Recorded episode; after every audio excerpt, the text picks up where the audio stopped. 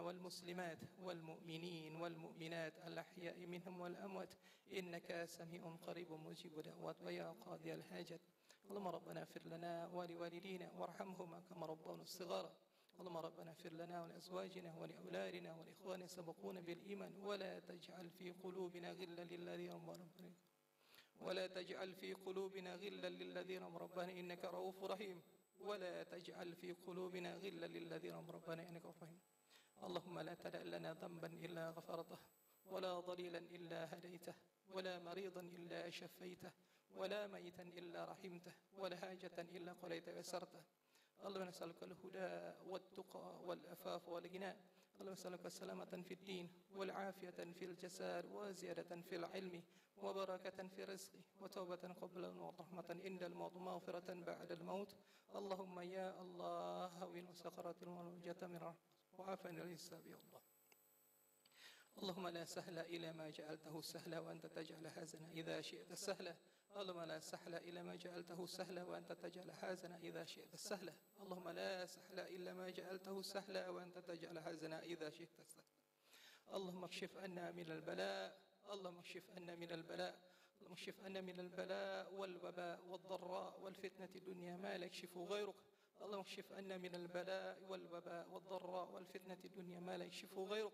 اللهم اكشف عنا من البلاء والوباء والضراء والفتنة الدنيا ما لا يكشف غيرك. اللهم يا شفيع يا شفيع يا شفيع اشفي مرضانا ومرضى المسلمين. اللهم اشفي مرضانا ومرضى المسلمين. اللهم اشفي مرضانا ومرضى المسلمين. يا مهيمن يا سلام سلمنا والمسلمين. وعافينا يا الله والمسلمين.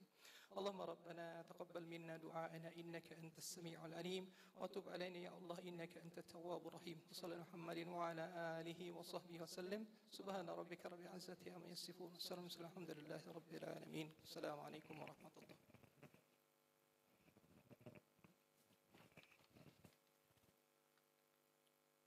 Alhamdulillah, semoga doa yang kita baca bersama pada sore hari ini, di sore hari di bulan Ramadan ketika kita semua melaksanakan ibadah puasa di hari Jumat, mendapatkan ijabah dari Allah Subhanahu wa taala. Para hadirin sekalian, uh, pertama-tama kita akan simak bersama kita akan simak bersama uh, kata sambutan yang akan disampaikan oleh Ketua Bidang Ketenaga Kerjaan DPP PKS yang akan disampaikan langsung oleh Al Ustadz Matri Agung SH. Kami persilakan. Assalamualaikum warahmatullahi wabarakatuh. Waalaikumsalam warahmatullahi wabarakatuh. Innalhamdulillah waladhi arsala rasulahu bil huda wa dinil haq yudhiru ala dini kulli wa kafa billahi syahida. Asyhadu an la ilaha illallah wa la syarika lah wa asyhadu anna Muhammadan abduhu wa rasuluh. La nabiyya ba'da. Allahumma shalli wa sallim ala sayyidina Muhammadin wa ala alihi wa sahbihi ajma'in amma ba'd. Alhamdulillah uh, bersyukur kepada Allah Subhanahu wa taala yang telah melimpahkan berbagai kenikmatan kepada kita sehingga sore ini kita dapat melakukan webinar dalam rangka peringatan Hari Buruh Internasional 1 Mei 2021 tahun ini. Pertama, kami ucapkan terima kasih yang kami hormati Bapak Presiden PKS, Bapak Haji Ahmad Saiku yang bisa membersamai kita yang nanti akan memberikan arahan kepada kita. Yang kedua, kepada para narasumber Alhamdulillah bisa hadir semua. Ibu Ledia Hanifa dari fraksi PKS, sekaligus sebagai anggota panja yang mengawal undang-undang eh, Omnibus Law yang sudah disahkan. Kemudian Bapak Dr. Rizal Ramli, ekonom senior dan sekaligus sebagai tokoh pergerakan yang sudah tidak asing bagi kita juga Bapak Insinyur Muhammad Iqbal, Presiden KSPI yang bisa hadir juga bersama kita. Juga Bapak Insinyur Arif Minarbi sebagai Ketua Umum Federasi, Federasi Serikat Pekerja seluruh Indonesia dari LEM dan Bapak Indra Desa Hemha sebagai Wakil Ketua Bidang Bitnaker di DBP PKS dan sebagai host nanti Pak Muhammad Rusdi. Alhamdulillah eh, kami ucapkan terima kasih kepada seluruh panitia yang sudah mempersiapkan acara kita pada sore hari ini sehingga terselenggara dan juga yang tidak kalah penting juga para hadirin, para pimpinan, ketua bidang, ketenaga kerjaan, baik DPW, DPD maupun para staf dan juga hadirin yang menghadiri acara pada sore hari ini sehingga bisa meramaikan dan juga mengikuti diskusi kita tentang eh, catatan kritis perburuan dan undang-undang Omnibus Law Cipta Kerja pada sore hari ini. Saya sebagai Ketua Bidang Ketenaga Kerjaan DPP PKS sekali lagi mewakili panitia juga mohon maaf apabila ada kekurangan dalam penyelenggaraan webinar sore hari ini yang sekarang kita di bulan Ramadan memasuki periode kedua, periode makfiroh. Oleh karena itu sekali lagi kami mohon maaf apabila banyak kekurangan dan sekaligus Taqabbalallahu minna wa minkum. Taqabbal ya karim. Semoga kita nanti bisa ketemu di Lebaran Id untuk uh, penyempurnaan dari puasa Ramadan kita pada sore hari ini. Demikian saya kira sambutan dari saya sebagai Ketua Bidang dan kami mohon Presiden BKS memberikan arahan kepada kita semuanya dengan penyelenggaraan webinar tentang uh, catatan kritis perburuan dan Undang-Undang Omnibus Law Cipta Kerja dan sekaligus juga selamat Hari Buruh Internasional 1 Mei 2021. Terima kasih. Assalamualaikum warahmatullahi wabarakatuh.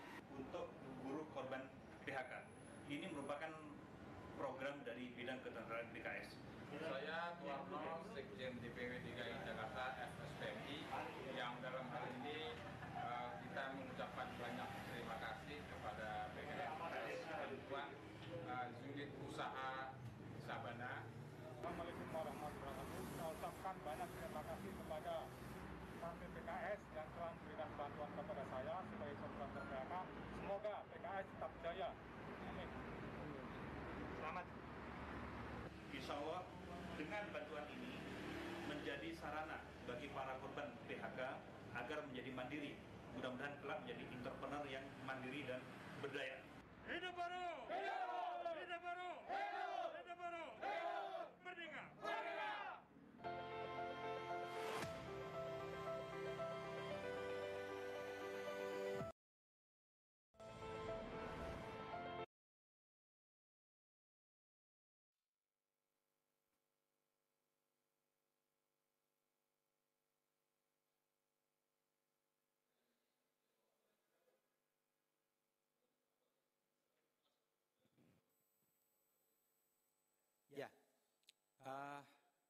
Selanjutnya adalah eh, sambutan sekaligus mengantar sebagai keynote speaker dari Presiden PKS, Ustadz. Kami persilakan Ustadz.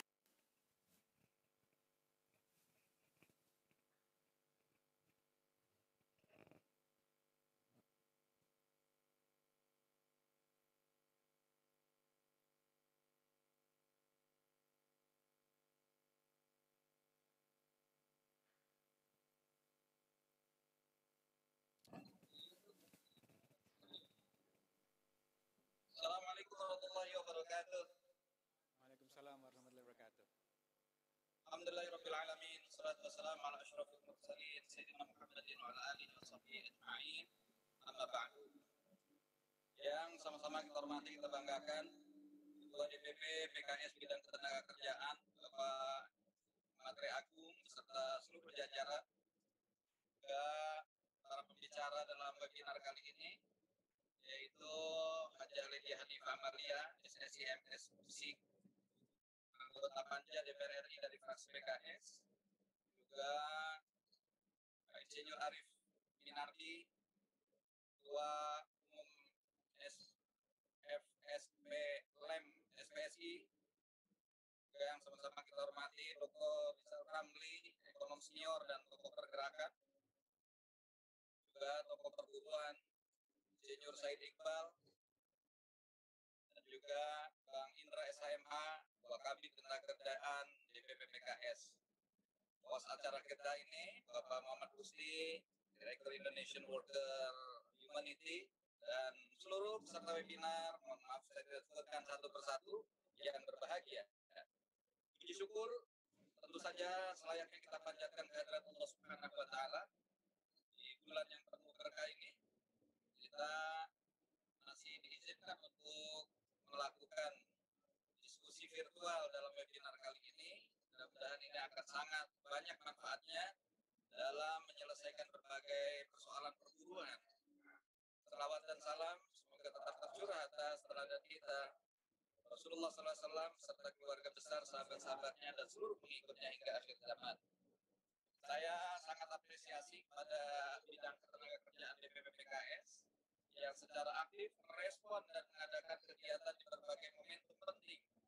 Di antaranya pada hari ini menyambut Hari Buruh Internasional, melakukan webinar yang bertemakan catatan kritis perburuhan dan omnibus omnibus law cipta kerja. Tema yang tentunya sangat penting dan relevan untuk dibahas pasca penetapan undang-undang cipta kerja. Saudara sekalian, bagi PKS, para buruh atau pekerja merupakan elemen penting dalam kehidupan berbangsa dan bernegara. Jumlah pekerja di Indonesia tidak sedikit yang berdasarkan data BPS pada Agustus 2020 jumlah angkatan kerja kita 138 juta lebih. Yang terdiri dari pekerja informal 77 jutaan lebih atau 60,47 persen dan pekerja formal 60 juta lebih sekitar 39 persen jumlah yang sangat banyak menempatkan buruh atau pekerja sebagai tulang punggung bagi industri yang artinya tanpa buruh ekonomi dan industri akan menjadi lumpuh oleh karena itulah PKS sejak awal memang menolak dan terus konsisten mengawal RUU Omnibus Law Cipta Kerja sampai akhir pengesahan. Berdasarkan kajian PKS, Undang-Undang Nomor 11 Tahun 2020 tentang Cipta Kerja ditolak karena dua alasan. Pertama karena cacat secara prosedural dan cacat substansial. Cacat prosedural artinya proses penyusunan dan pembahasan Omnibus Law Cipta Kerja ini ekstra cepat, penuh akrobat, tidak transparan dan mengabaikan hak publik untuk didengar dan terlibat tidak partisipatif dan tidak aspiratif. Sedangkan cacat substansi berarti muatan normanya melemahkan dan mereduksi banyak hal, termasuk di antaranya adalah bagi kesejahteraan para pekerja. Saya pribadi di daerah pemilihan saya karena banyak industri ya, daerah Kabupaten Bekasi ada aspirasi yang disampaikan salah satu anggota DPRD dari PKS di Kabupaten Bekasi yaitu yang menyampaikan banyak buruh yang ingin pensiun dini akibat disahkannya undang-undang cipta kerja. Ternyata ini juga menurunkan pesangon dari 32 menjadi 25 uh, kali. Ini tentu saja uh, sangat memprihatinkan. Terus sekalian, tentu pasca disahkan dan diundangkannya Undang-Undang Cipta Kerja, PKS juga berusaha untuk mendesak pemerintah agar terbit kita adalah perpu tentang pembatalan undang-undang cipta kerja. Namun sampai hari ini belum eh, ada perpu yang eh, terkait dengan ini. Pada sisi yang lain, PKS menyayangkan lemahnya penegakan hukum atau law, law enforcement di bidang ketenaga kerjaan. Berbagai pelanggaran norma ketenaga kerjaan dan pelanggaran sangat marak terjadi.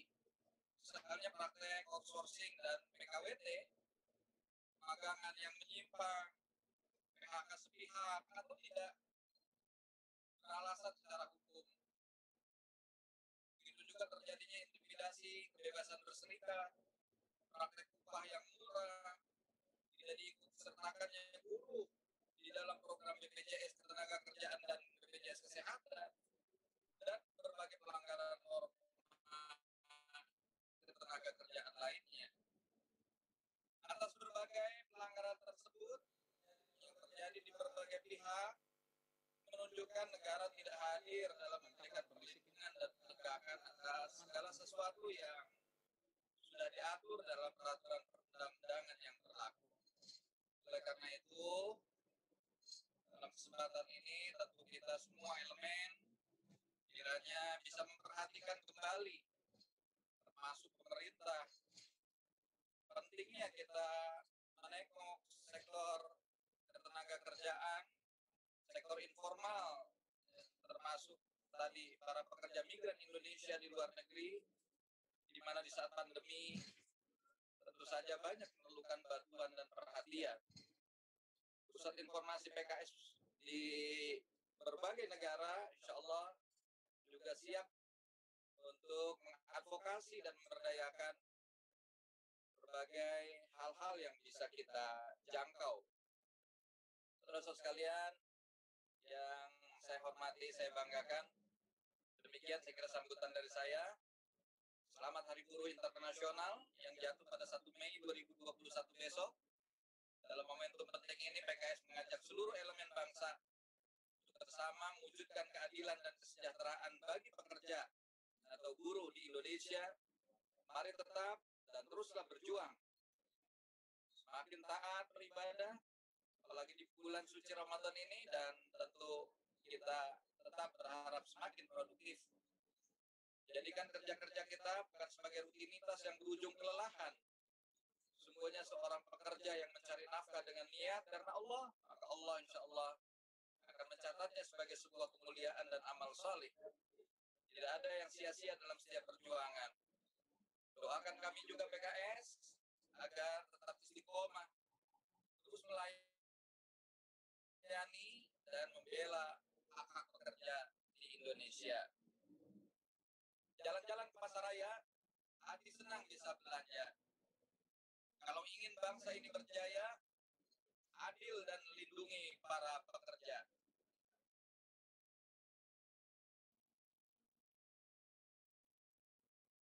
Suara petir amat bergemuruh, terdengar kencang di dalam kendaraan.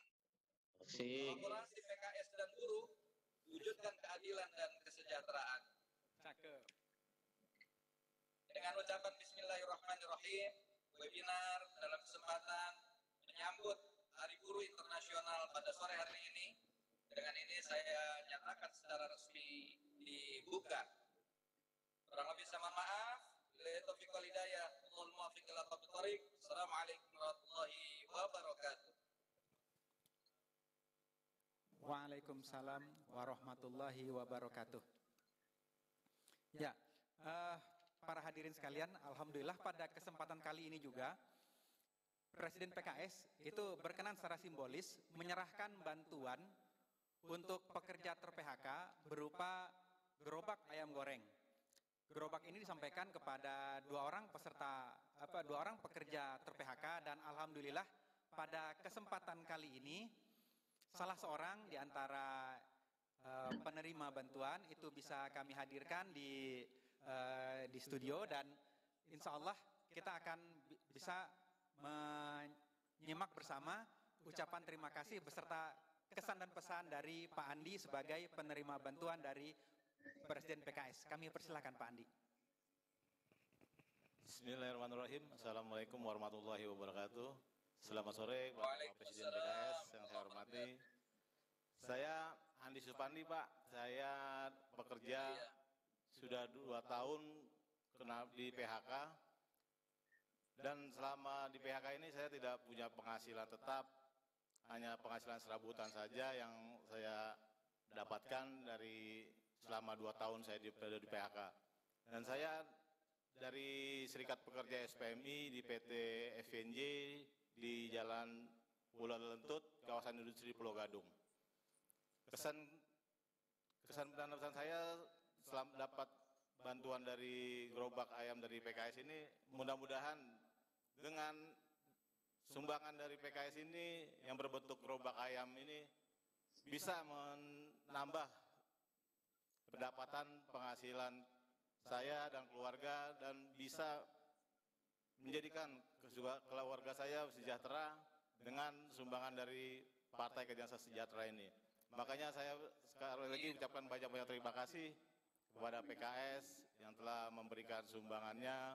Mudah-mudahan apa yang diberikan oleh PKS bisa bermanfaat dan bisa menjadikan keluarga saya kembali hidup normal, bisa hidup dengan sejahtera. Dan saya ucapkan terima kasih kepada PKS, mudah-mudahan PKS menjadi partai yang sangat peduli dengan rakyat, terutama dengan kaum buruh. Mudah-mudahan PKS bisa terus membantu kaum-kaum buruh yang ter-PHK, apalagi dalam momen May ini saya juga sangat berterima kasih dengan kepedulian dari PKS. Sekian mungkin dari saya. Wassalamualaikum warahmatullahi wabarakatuh. Terima kasih sekali lagi kepada Bapak Presiden dari PKS. Terima kasih Pak. Ya, saya juga turut mendoakan mudah-mudahan uh, Bapak bisa terus sabar, ulet dalam menghadapi tantangan-tantangan uh, ke depan dan mudah-mudahan dengan bantuan yang diberikan, insya Allah Bapak juga akan sukses cari pintu-pintu rezeki yang lain. Jangan pernah menyerah karena Allah Subhanahu wa taala Maha Kaya dan memberikan pintu-pintu rezeki dari berbagai arah. Semangat terus, jangan menyerah, sukses untuk kita semuanya. Ya, alhamdulillah. Uh, setelah serah terima secara simbolis untuk dua penerima dari yang disampaikan dari Presiden PKS, maka uh, insya Allah kita akan memulai uh, diskusi bersama dengan para narasumber yang sudah hadir juga pada uh, ruang Zoom meeting kita ini. Dan untuk selanjutnya akan dipandu oleh Saudara Muhammad Rusdi sebagai Direktur Eksekutif dari Indonesian Workers Humanity, sebuah lembaga kemanusiaan yang berbasis kepada pekerja dan memang diniatkan sebagai sebuah lembaga kemanusiaan dari pekerja, oleh pekerja, dan untuk pekerja. Selanjutnya kami persilahkan Pak Muhammad Rusdi untuk bisa menempati tempat yang sudah disediakan. Baik. Terima kasih Pak Presiden PKS. Semoga agenda berikutnya juga bisa berlangsung dengan lancar.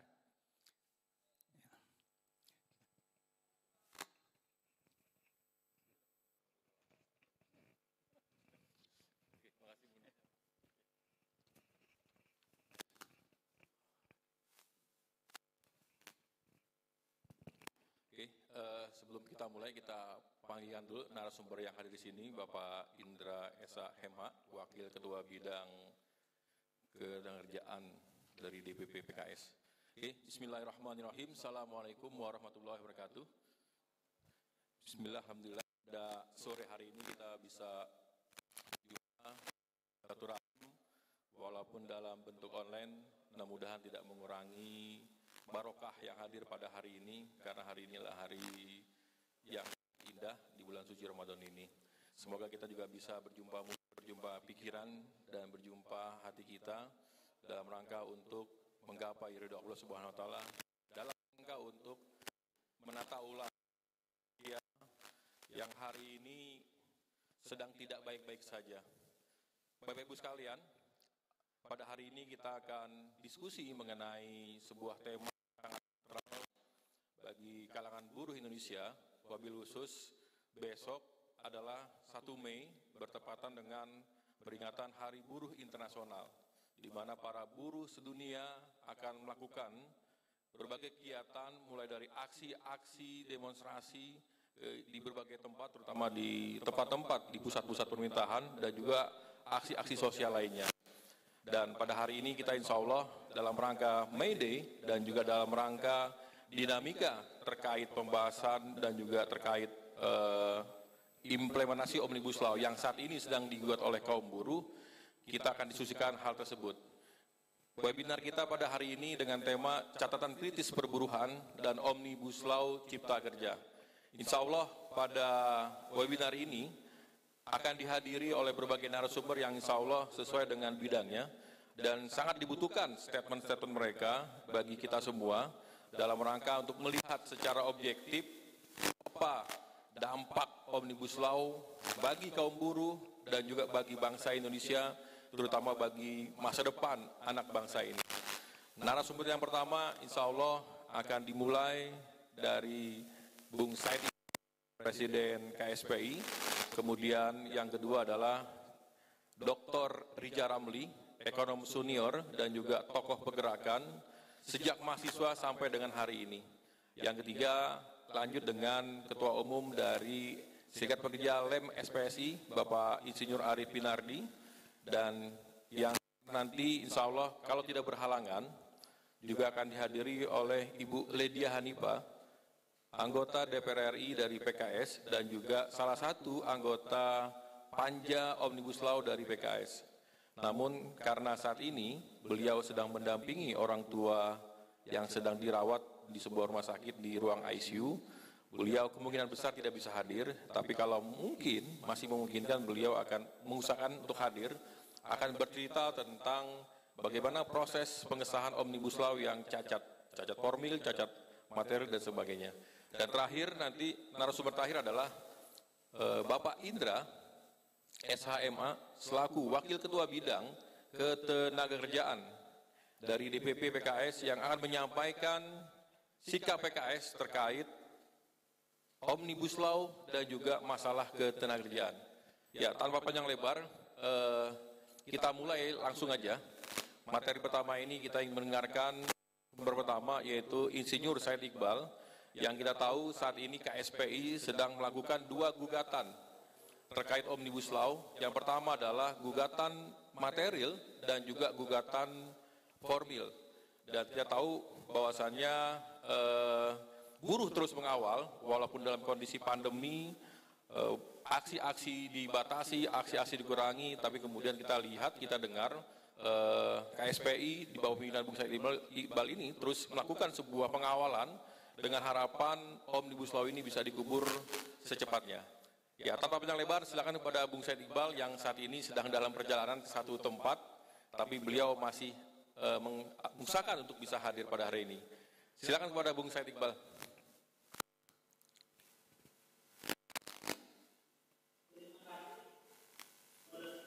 Bung Rusdi dan kebetulan juga merupakan deputi presiden di atas perintah deputi saya sebagai presiden dulu untuk menyampaikan beberapa hal. Yang pertama eh, KSPI bersama KSPSI Andi Gani itu sudah dan sedang berjalan proses sidangnya mengajukan uji material terhadap undang-undang nomor 11 tahun 2020 tentang cipta kerja. Prosesnya sedang berjalan dan sudah akan memasuki sidang pemeriksaan di mana akan menghadirkan saksi-saksi fakta.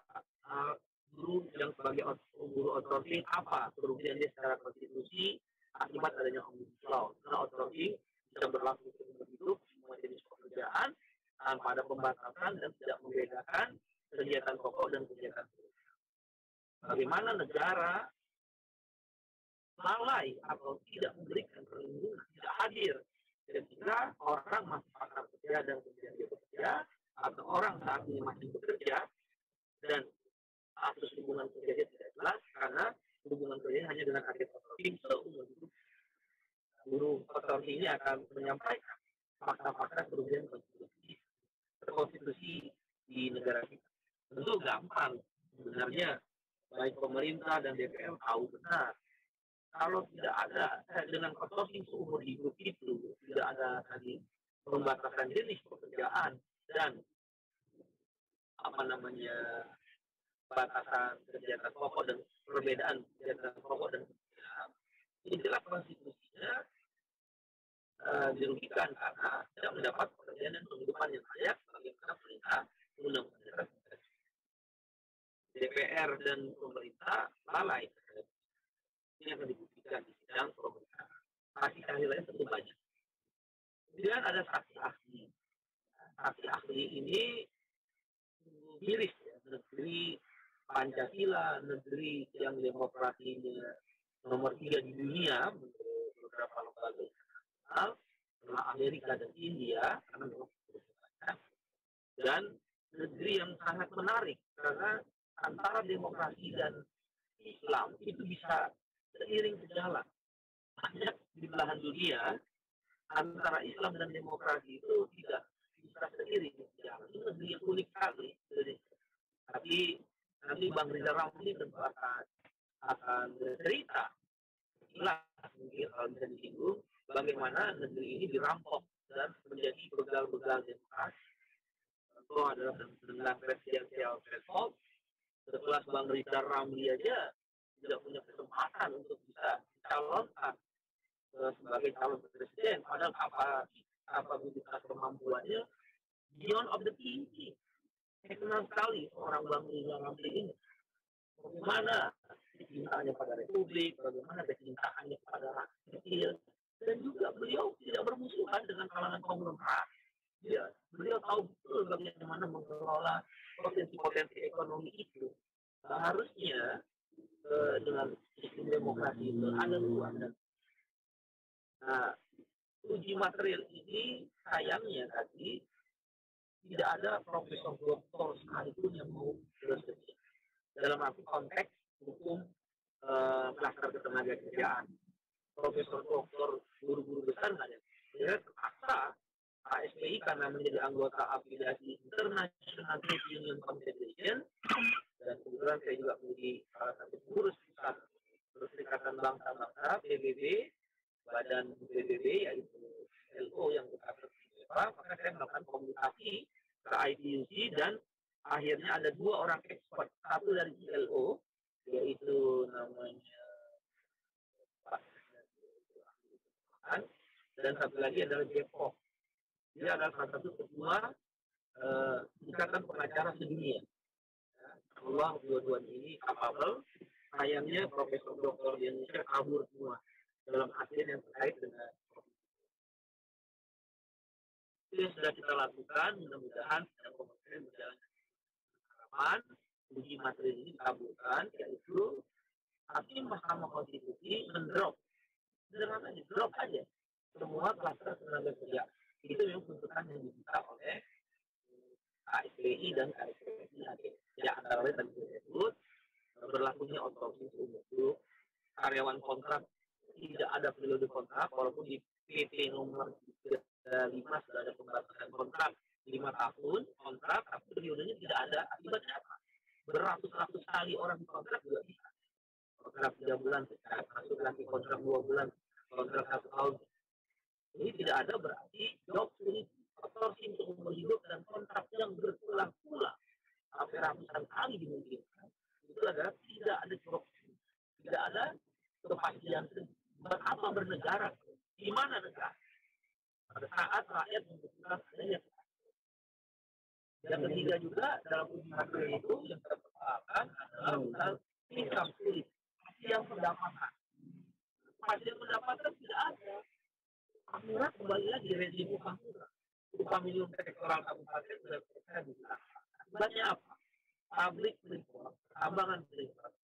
Banking mandiri bank standard chartered bank atau katakan Cargill dari katakan dari Inggris. Kemudian juga Panasonic, Toyota dan sebagainya. Masa upahnya sama dengan pabrik derajat nggak masuk akal. Negara ini tidak menempatkan bagaimana orang atau perusahaan orang dengan skill yang baik dan perusahaan dengan keuntungan yang tidak memberi lebih dalam upahnya. Tujuannya apa dibandingkan perusahaan yang labor intensif? Tujuannya apa? Pricing power. Kelompok buruh, kalau di negara-negara industri, kelompok yang sangat menentukan. Bahkan, kalau saya nggak salah, gubernur bank sentral Amerika, ketika dia mau naikin tingkat suku bunga, yang kemudian berpengaruh di dunia, tenaga kerja Amerika, eh Pak Menteri, berapa nih apa namanya eh, tingkat pengangguran, berapa tingkat penyerapan tenaga kerja, bagaimana apa kemampuan upah daya belinya, baru dari situlah dasar-dasar data itu sebagai salah satu menjadi ukuran untuk menaikkan suku bunga. Di sini kan tidak mau pengangguran tinggi kah, mau angka inflasi tinggi kan penting. Padahal faktor sangat menentukan salah satu di Amerika adalah menentukan kenaikan bunga. Benar berpengaruh di seluruh dunia. Nah, upah di Indonesia dengan dihilangkan upah minimum sektor, perusahaan-perusahaan mampu raksasa, multinasional company, itu akhirnya membayar upah murah. Konsekuensinya apa? Turun daya beli. Walaupun ada faktor lain.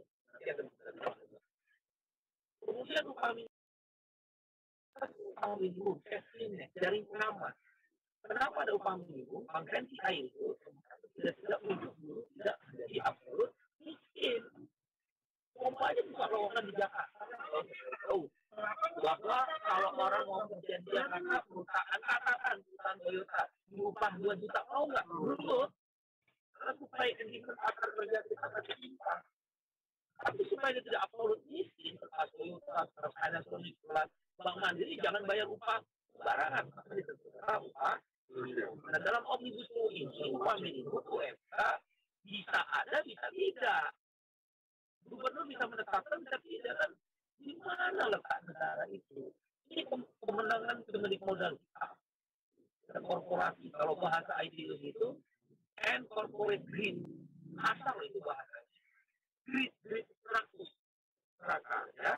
Nah, dengan demikian, banyak faktor lain, yaitu tanda pesangon, yang diturunkan jam kerja yang apa itu lemburnya juga jadi lebih banyak sehingga apa potensi untuk orang jadi mudah sakit ketika ya yang kerja perlindungan jadi lemah dan lain-lain itu teruji di Nah kalau uji formilnya tadi disebut oleh PSS bahwa catat prosedurnya banyak sekali uh, kuasa hukum dari anggota ya, ini bukan KSP yang lanjutkan dalam uji prosesnya, tapi anggota KSP yaitu Brigjen Hakam Aziz dan kawan Kuasa hukumnya Said Salahuddin MK itu mengatakan ada delapan hal yang harus dipenuhi untuk terjadinya pembuatan sebuah undang-undang omnibus Satu antara lain ya, ada keinginan publik. Publik yang mana? Tidak terpenuhi. Yang kedua ada perintah undang-undang dasar 1945. Kita balik-balik, kita nggak ada undang-undang dasar 1914 dan lain sebagainya ada delapan poin.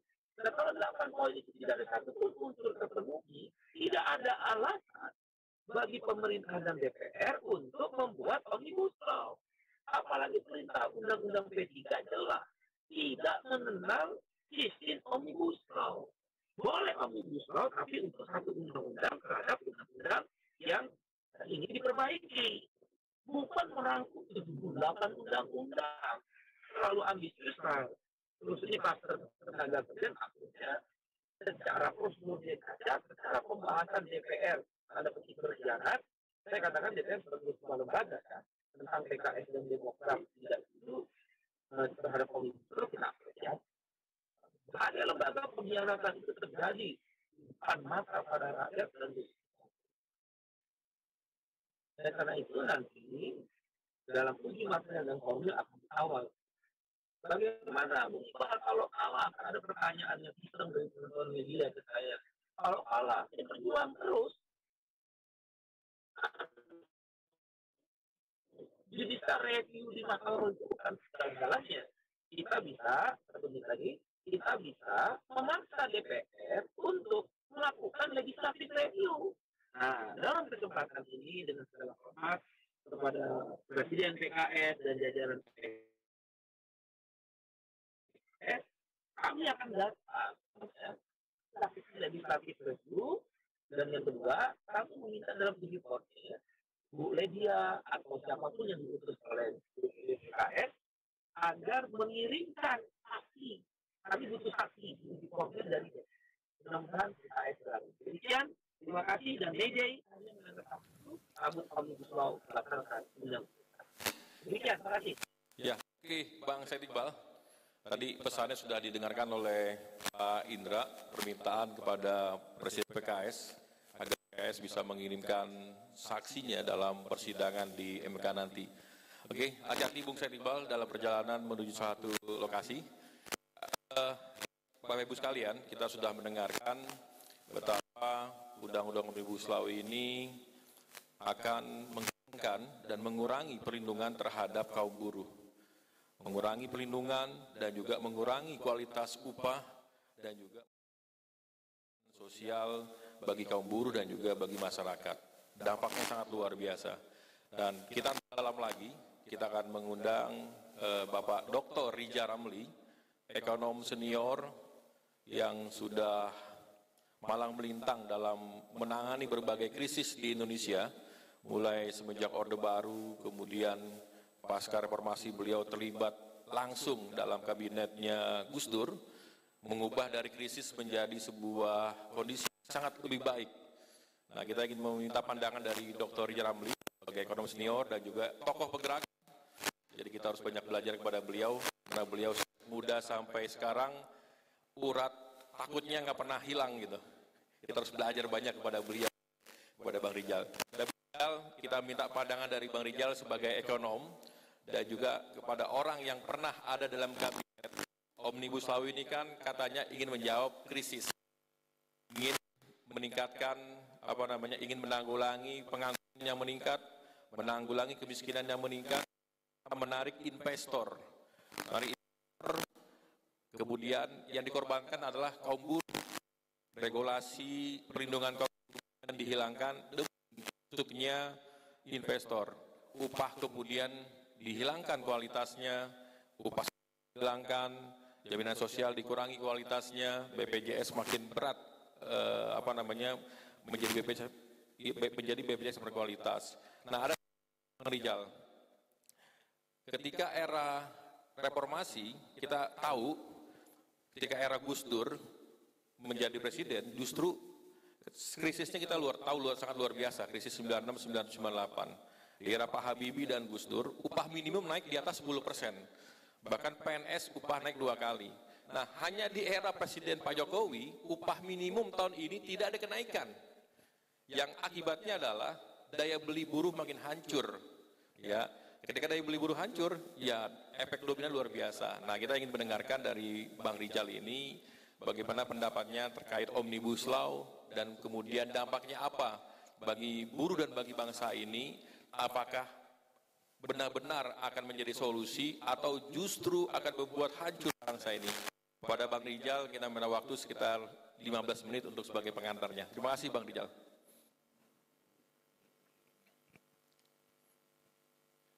Ya, di unmute dulu. Unmute-nya dicabut, di mute ya.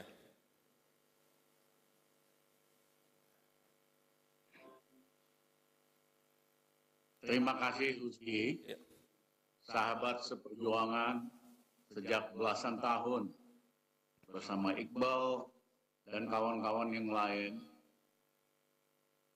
Saya juga senang lihat di sini ada Arif Minardi, dulu ketua Serikat Pekerja eh, apa di Gantara Indonesia. Ya kalau demo-demo dulu pasti ngundang saya, ya kan di eh, Jakarta. Bukan hanya itu, ketika buruh kemudian eh, menuntut haknya pesangon di Pengadilan Negeri Bandung, eh, kami juga datang sebagai saksi yang meringankan buruh dan kami minta pada waktu itu kepada hakim, ini bukan salahnya buruh kok. Dirgantara karena salah manajemen yang tidak bisa mendapatkan pekerjaan. Ya, yang disalahkan buruh. Akhirnya ratusan karyawan Dirgantara harus keluar tanpa pesangon. Kami bersama kawan-kawan serikat pekerja berjuang supaya akhirnya dan akhirnya hakim memutuskan untuk pemerintah harus memberikan pesangon kepada serikat pekerja Dirgantara. Dengan Rusdi dan Iqbal juga sejarah kami panjang, kita sama-sama memperjuangkan undang-undang BPJS. Lama banget itu Rusdi, hampir dua tahun lebih, ya. Tapi ternyata berhasil, eh, walaupun modal dasarnya itu sengaja dibikin kecil oleh pemerintah akibat lobby pengusaha. Yang kedua adalah kewajiban daripada perusahaan hanya kecil sekali, hanya dua kali dari kontribusi pekerja. Di negara lain, kontribusi perusahaan itu bisa 4 sampai 5 kali. Makanya BPJS hari ini mengalami kesulitan keuangan. Tapi nggak usah khawatir, pada waktunya nanti setelah pemerintahan ini selesai kita benahin lagi kok. Itu bukan hal yang terlalu sulit. Nah, dalam kaitannya dengan Omnibus Law, undang-undang ini seperti harus dikatakan tadi memang mengurangi hak-hak hukum dari pekerja, mengurangi hak-hak ekonomis dari pekerja, termasuk jaminan sosial.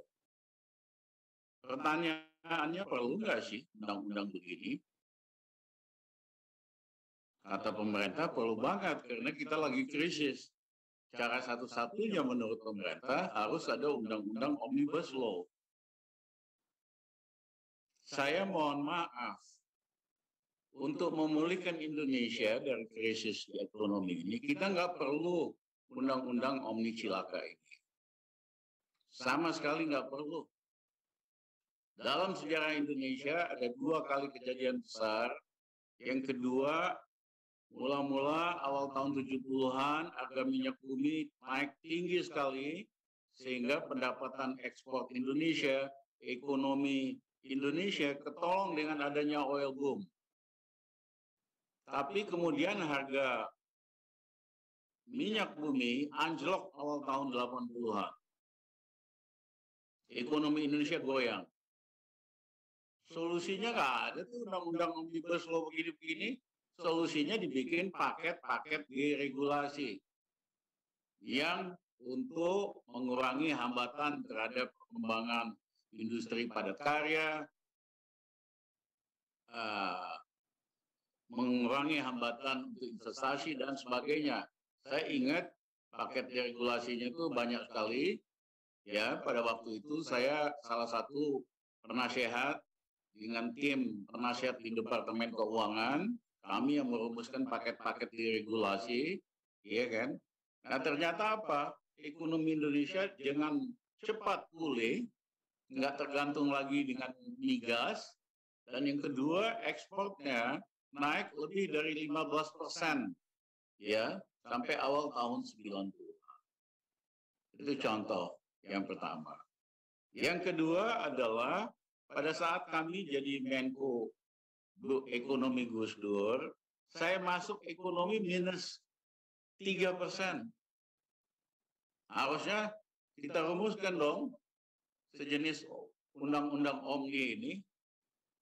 Ya kita kagak, karena ini nggak perlu kok. Ya, kami ambil langkah-langkah, terutama supaya mompak daya beli golongan menengah bawah kami naikkan gaji pegawai negeri, PNS, ABRI, dan pensiunan 125 persen dalam waktu 21 bulan. Belum pernah terjadi dalam sejarah Indonesia. Ya, hari ini gaji pegawai negeri malah nggak dinaik-naikin. Bahkan THR-nya aja mau dipotong nih tunjangannya. Ya kan? Eh, jadi bisa ternyata begitu golongan menengah, beli daya uh, beli golongan menengah bawah ini kita pompa, mereka langsung belanja 99 persen, akhirnya sektor retail hidup.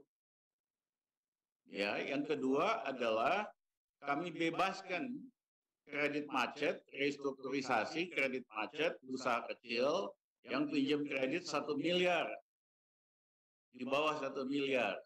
Saya hapuskan utangnya 500 juta per nasabah yang di bawah satu miliar. Tapi yang sisanya harus dibayar dengan tunai.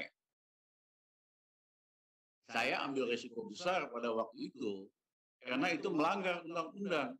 Nggak bisa walaupun Menko Menteri Keuangan menghapusan kewajiban uh, apa pembayaran hutang. Tapi saya bilang sama Gus Dur, ya kalau ada yang nggak suka Gus, tangkap aja Rizal Ramli. Ribet, ribet, amat gitu loh. Saya nggak narik manfaat daripada ini. Ya, jadi saya tidak perlu paket undang-undang apa namanya nih eh, perlindungan kalau hari ini kan pejabat melakukan kesalahan apa pun dia dilindungi oleh undang-undang tidak bisa dihukum tidak bisa diajukan ke pengadilan. Ya. Nah kemudian kita restrukturisasi bisnis real estate dan sebagainya eh, termasuk juga kredit kepada usaha tani yang macet total. Akibatnya ekonomi pulih lagi.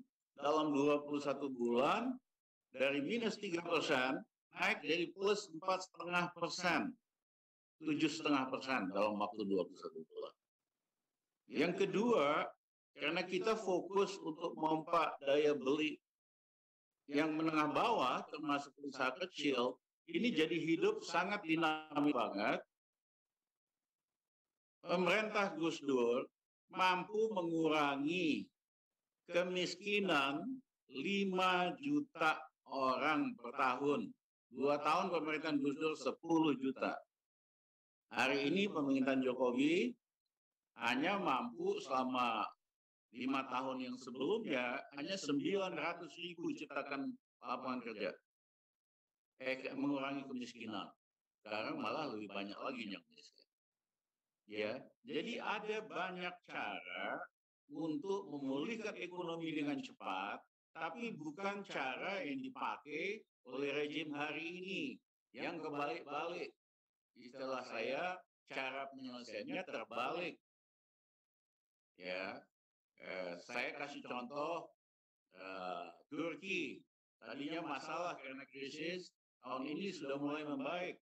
India juga, walaupun ada apa namanya nih ada COVID yang luar biasa.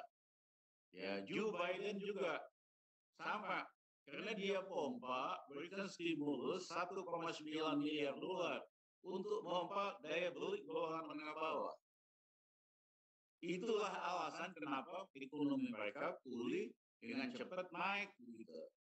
Kalau kita enggak daya yang beli yang bawah justru malah disedot dengan cara menaikkan BPJS, menaikkan listrik, menaikkan harga gas, menaikkan semua yang menyangkut orang kecil itu kan sama aja menjedot daya beli. Ya, jadi bukannya cepat sembuh, kita malah masih nyungsep. Kuartal satu tahun ini ekonomi Indonesia masih negatif. Nah, Tapi saya angkat topik pada kawan-kawan pekerja, KSPI, Serikat Pekerja yang lain, SBSI, kemarin betul-betul berjuang all out untuk menggagalkan, membatalkan undang-undang Omni Cilaka ini. Dan dukungan dari masyarakat juga luar biasa besarnya, termasuk dari adik-adik mahasiswa. Mahasiswa itu nggak pernah yang sedemikian besarnya kecuali melawan undang-undang kelemahan KPK dan melawan undang-undang Omnibus Law. Mereka belajar itu undang-undang Omnibus Law, mereka cerita sama saya, Bang, kita dikira nggak ngerti, tapi kita Google, ya, dua kali 24 jam, apa sih undang-undang Omnibus Law plus minusnya? Ya, tapi setelah, ternyata setelah kita pelajari, kita demonstrasi, pemerintah ngelesnya gampang banget. Ya ke ke MK aja ke MK aja. Jadi mereka bilang kita udah capek-capek memahami undang-undang omnibus law supaya kita tahu apa yang kita nggak suka dan kita lawan pemerintah tuh ngelesnya gampang maju aja ke MK MK. MK ini singkatannya menurut saya bukan Mahkamah Konstitusi, tapi Mahkamah Kekuasaan. Ya, dengerin apa maunya yang kuasa, bukan betul-betul menegakkan konstitusi kita. Saya kan coba dengan undang-undang yang menyangkut reso. Nah, eh, terbukti kan hari ini sejak sampai undang-undang omnibus law apa yang terjadi? Investasi emang nambah? Mohon maaf, kagak. Ya kan? Tentu bilang karena COVID dan sebagainya. Tapi banyak cara kok untuk menciptakan lapangan pekerjaan, untuk membuat ekonomi Indonesia lebih kuat dan solid. Jadi eh, Rusdi dan kawan-kawan bekerja, saya sih sederhana, kita harus berjuang terus, ya. Tapi kalau enggak, tunggu aja lah. Bentar lagi ini pemerintah ganti kok, ya. Nanti kalau Riza Ramli jadi presiden, kita hari pertama saya batalin ini undang-undang omnibus law omnibus cilaka ini. Iya kan? Jadi hari pertama yang kita lakukan bikin peraturan pemerintah membatalkan undang-undang omnibus law. Ya, karena kita bisa pulihkan ekonomi kok tanpa undang-undang ini. Ya.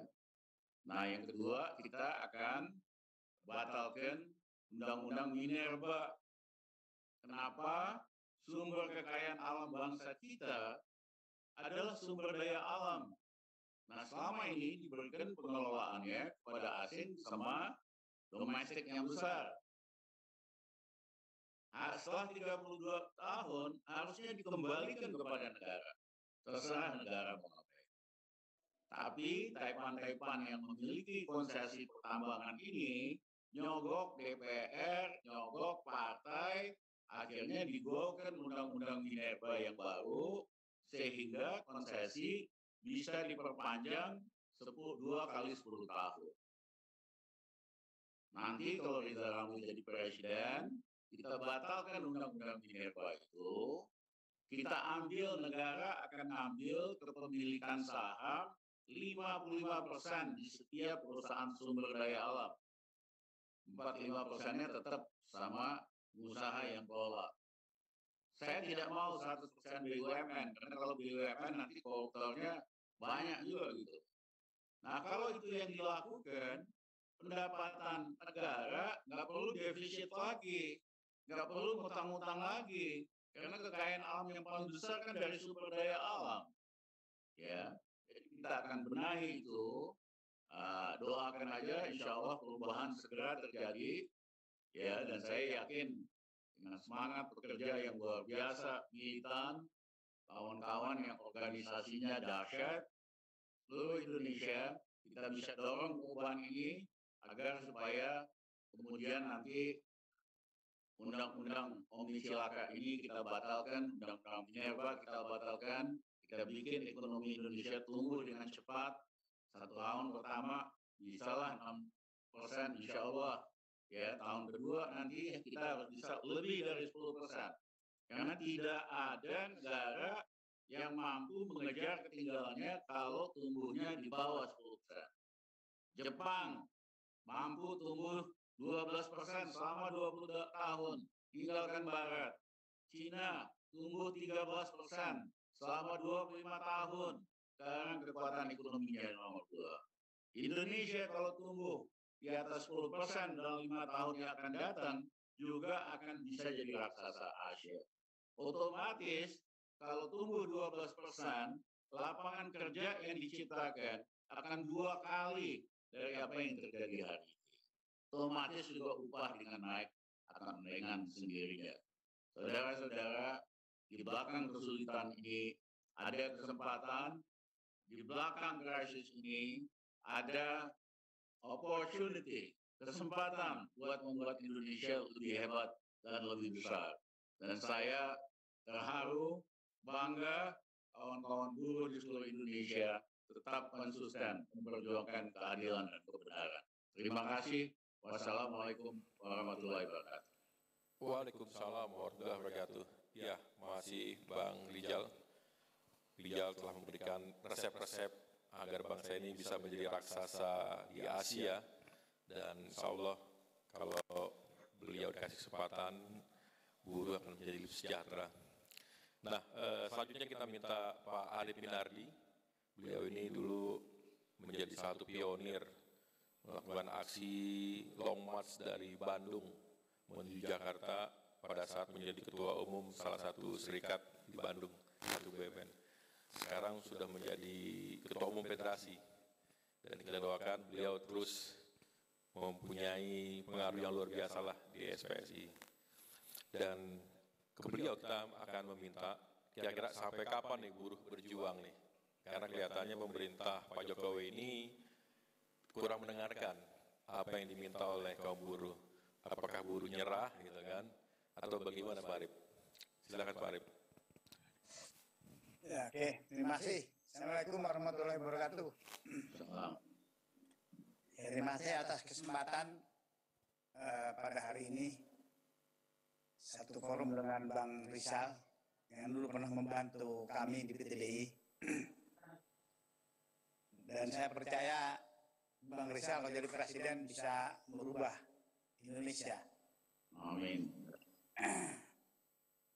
Uh, pasca disahkannya undang-undang ini,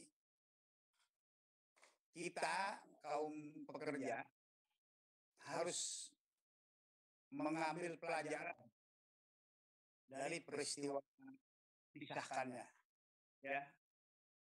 Bagaimana kita melihat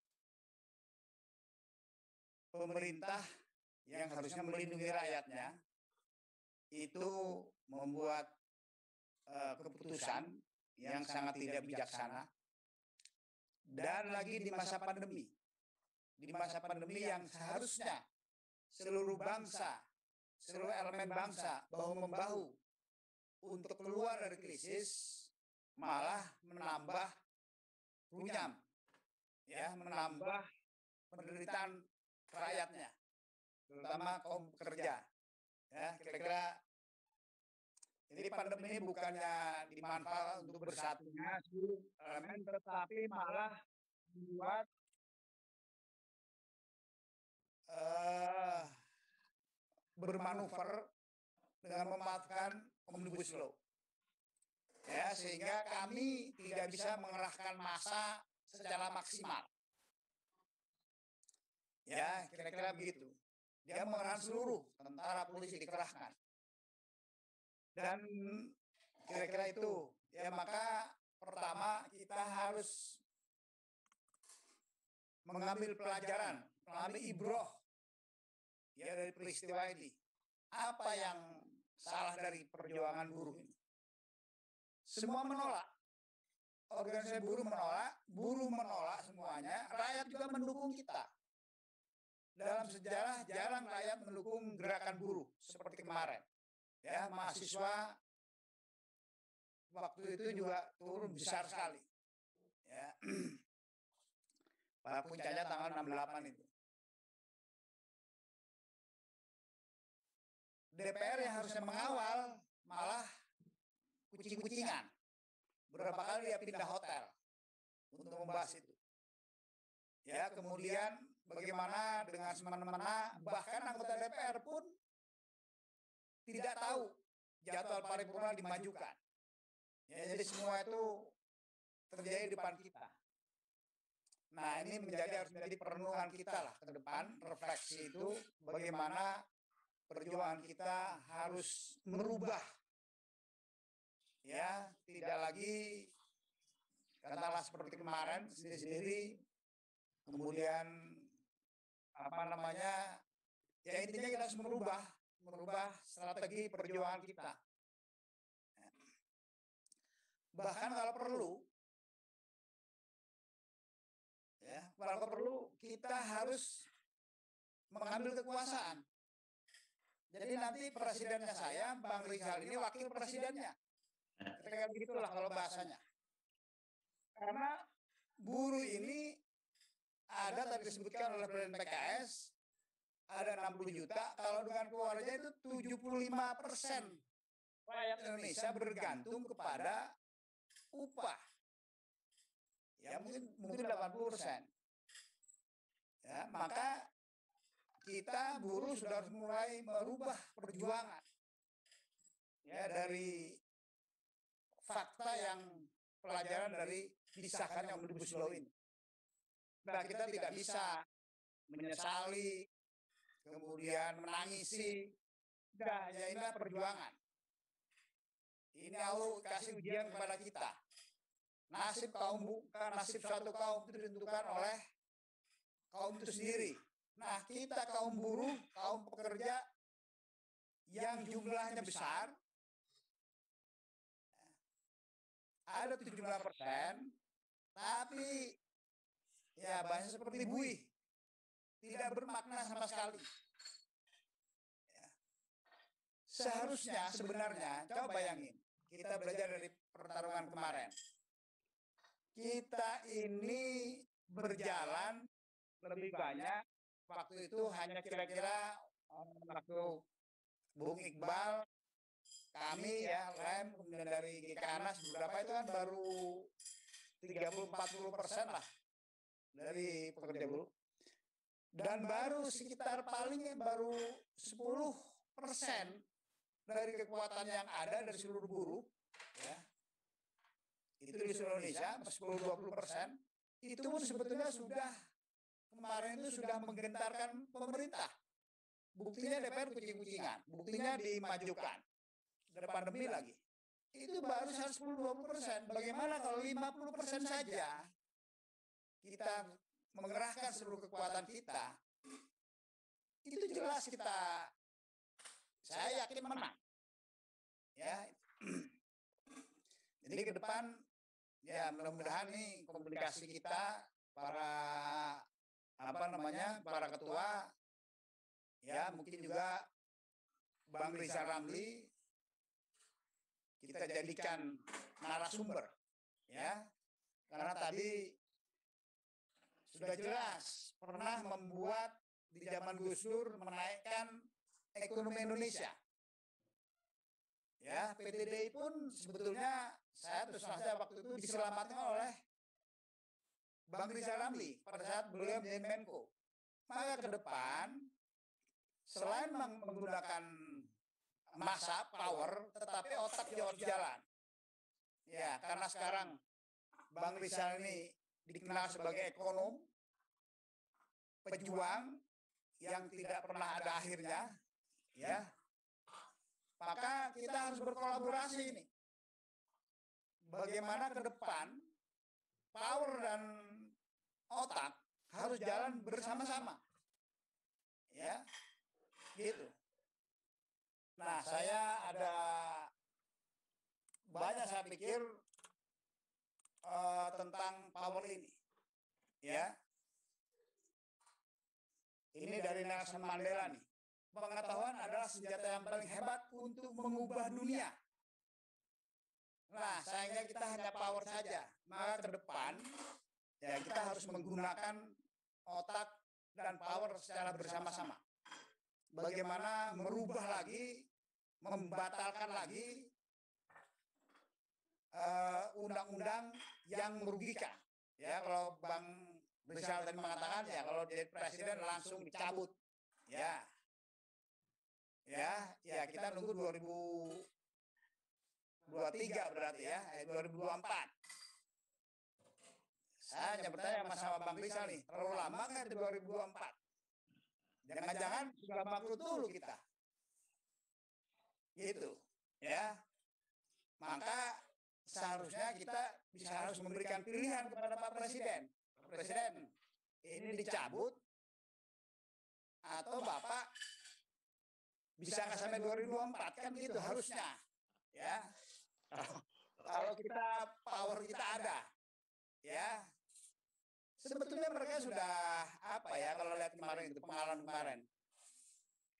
Sudah grogi dia melihat kekuatan buruh itu tahun 2016 tahun 2006 ketika undang-undang 13 mau direvisi itu Pak SBY menyerah itu. Revisinya tidak tidak tidak jadi kan? Itu juga ada apa namanya karena nggak ada pandemi demo buruhnya maksimal.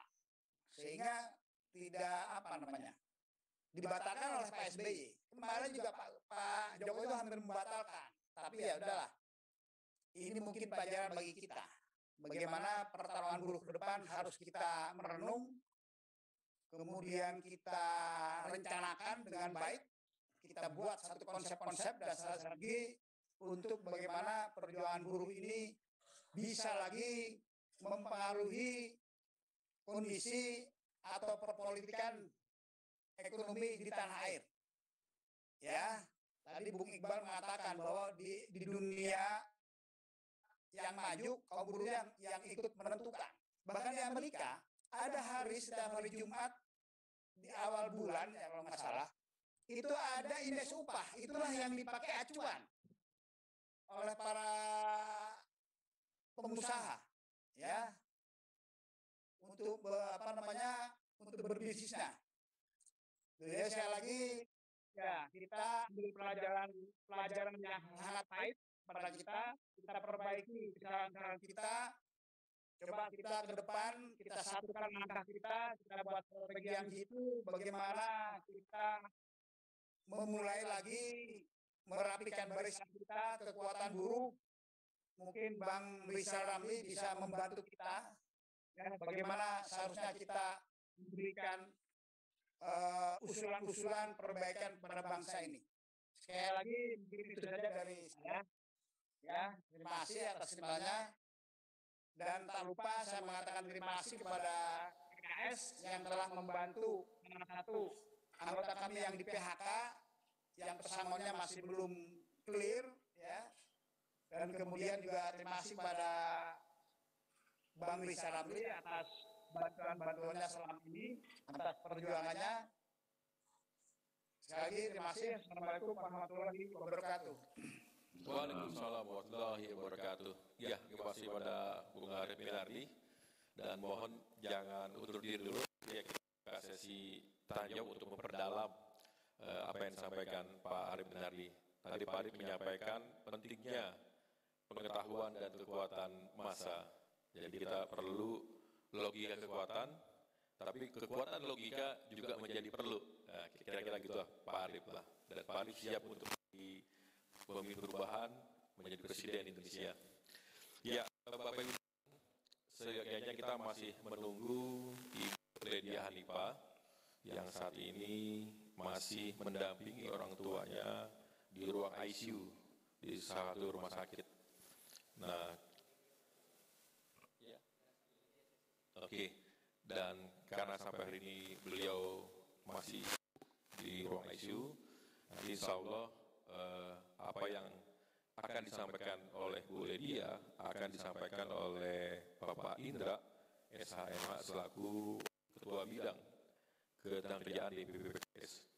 Bapak Ibu sekalian, kita tahu bahwa Undang-Undang Omnibus Law ini cacat, mulai dari proses rencananya, kemudian proses pembahasannya, sampai dengan proses pengesahannya undang-undang ini sepertinya dasarnya bukanlah konstitusi, yaitu pasal 27 ayat 2 terkait dengan setiap warga negara berhak mendapatkan penghasilan dan juga pekerjaan yang layak.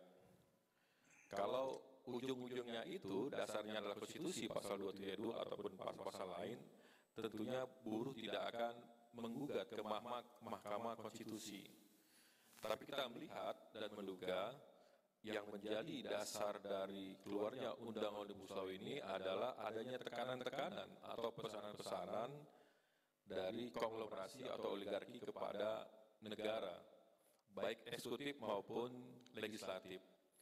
Nah, kita melihat eksekutif dan legislatif terlihat sangat peka dan sangat paham terkait apa yang menjadi aspirasi, apa yang menjadi keinginan dari para pengusaha. Tapi satu sisi, pemerintah dan juga eh, DPR terlihat tuli, ya terlihat apa namanya tidak bisa mendengar, bisa menyerap apa yang menjadi harapan kaum buruh, sehingga kemudian kita melihat eh, pemerintah dan DPR ini menjadi satu suara, satu suara yaitu lebih membela kepentingan kaum pengusaha. Nah, kita melihat dan menyaksikan hanya Partai Demokrat dan PKS yang konsisten sampai akhir menolak Omnibus Law ini. Nah, kita ingin mendengar lebih jauh lagi bagaimana pandangan PKS terkait Omnibus Law dan juga masalah-masalah perburuhan lainnya. Karena kita melihat PKS ini punya ciri tersendiri, selain tadi dia punya logika kekuatan dan juga kekuatan massa yang sangat dahsyat, tapi juga mempunyai landasan teologi. Gerak-geraknya itu juga bukan hanya berbasis politik ansi, tapi juga berbasis teologi dan spiritualitas. Nah, kita ingin melihat dan mendengar lebih jauh bagaimana pandangan PKS terkait Omnibus Law yang saat ini sedang digugat oleh kaum buruh dan juga oleh mahasiswa. Besok kabarnya buruh, kemudian BMS, berbagai elemen-elemen mahasiswa lainnya akan bergerak dengan satu tuntutan yang sama, yaitu cabut Omnibus Law. Kuburkan Omnibus Law. Melihat, mendengar bagaimana sudah konsisten dalam proses pembahasan di DPR lalu, apa yang dilakukan oleh PKS untuk uh, bagaimana Omnibus Law ini kemudian tidak berlaku. Karena buruh selain meminta ke MK, menggugat ke MK, juga meminta Presiden untuk melakukan apa namanya uh, review terhadap Omnibus Law. Juga legislative review bagaimana DPR bukan hanya menolak saat pembahasan, tapi juga kemudian orang-orang uh, yang kritis di DPR melakukan sebuah gerakan-gerakan bagaimana omnibus ini bisa dibatalkan di DPR sendiri. Tanpa lebih uh, banyak kata kita kepada Pak Indra selaku wakil ketua bidang ketenagakerjaan di BPKS untuk menyampaikan sikap dari BKS terkait omnibus law dan juga masalah perburuhan. Kepada Pak Indra, silakan. Baik, bismillahirrahmanirrahim. Assalamualaikum warahmatullahi wabarakatuh. Hidup buruh. Merdeka. Alhamdulillah, alhamdulillah rabbil alamin wassalatu wassalamu ala anbiya'il mursalin wa ala alihi ajmain. Allahumma shalli ala sayyidina Muhammad wa ala sayyidina. Puji syukur kepada Allah SWT di sore menjelang uh, berbuka ini insyaallah kita tadabul ilmi, berdiskusi dan berbagi semangat, berbagi uh, Mayday uh, esok hari. Mudah-mudahan ada keberkahan melalui doa-doa dan ikhtiar tentunya. Ada keberkahan yang lebih baik di kemudian hari buat buruh Indonesia, buat pekerja Indonesia. Baik, yang pertama tentu sama-sama kita hormati tadi Presiden PKS Ustadz Ahmad Saiku menyertai, mempersamai kita, walaupun dengan agenda beliau yang padat, sedang ada safari dengan berbagai elemen bangsa, berbagai partai dalam membangun komunikasi politik supaya Indonesia lebih baik ke depan. Dan juga sama-sama kita hormati ada Ustadz Matri Agung yang terus mempersamai, tadi mengawali dalam pembukaan acara. Uh, insya Allah beliau memberikan uh, salah satu prajuritnya untuk menyampaikan sikap. Uh, tentu ini semua tidak lepas dari cara dan substansi berpikir dari Ustadz Matri Agung. Dan tentu juga yang saya hormati para narasumber, ada Bung Said Iqbal, ada Abang Rizal Ramri yang luar biasa, ekonom kita, aktivis, pejuang yang suaranya banyak terdengar di di antara lapisan-lapisan yang tertindas mempersamai itu merefleksikan sikap beliau tentunya dan juga di sini ada Arif Minardi pejuang juga yang sudah tidak diragukan kalau berjalan Bandung Jakarta sudah terukur lah oleh beliau dan tentu akan berjalan menuju istana. Tadi kata menjadi presiden dan didaulat sudah Pak Rizal jadi wakil presiden. Saya nggak tahu kalau nanti semua mendaulat diri menjadi presiden. Kalau di PKS sejak PK berdiri sudah ada presiden. Jadi buat PKS banyak menjadi presiden itu hal yang biasa insya Allah. Dan PKS insya Allah akan jadi presiden pada waktunya insya Allah. Who knows 2024 nanti. Kita akan bicara dengan Bang Rizal. Jadi siapa yang jadi presidennya? Pak Ahmad Saiku, Pak Hidayat Nur Wahid, mungkin Pak uh, Salim Segaf, atau uh, Pak Bang Rizal. Dan seterusnya kita akan diskusikan. Insya Allah. Oke, kalau PKS menang, buruh menang, insya Allah rakyat sejahtera. Baik, yang pertama tentu saya juga tadi ada titipan salam dari Bu Lydia karena beliau seyokiannya hadir menceritakan tentang suasana kebatinan proses pembahasan di mana PKS terdepan dan konsisten menolak Omnibus Law, bukan sekedar katanya dan bukan sekedar di mimbar di luar tanpa ada sebuah kerja-kerja nyata, tapi real, tapi karena ada kewajiban yang lain mendampingi orang tua yang sedang masuk UGD, kita sama-sama doakan, Allah mudah-mudahan bisa sembuh. Uh, tapi beliau nitip salam, mohon maaf, dan insya Allah mungkin ada beberapa hal yang bisa jadi nanti saya titipkan dalam beberapa penyampaian.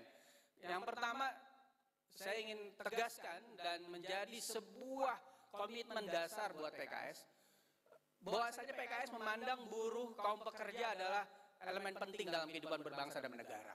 Itu clear. Tadi Pak Ahmad Saiku, Presiden PKS menyatakan data yang uh, akurat tentang 60 juta lebih pekerja formal dari 130 138 angkatan kerja itu menunjukkan bahwasanya secara demografi publik, demografi penduduk, jumlah penduduk, persentase keberadaan di negeri NKRI ini, maka buruh adalah elemen yang terbesar di negeri ini.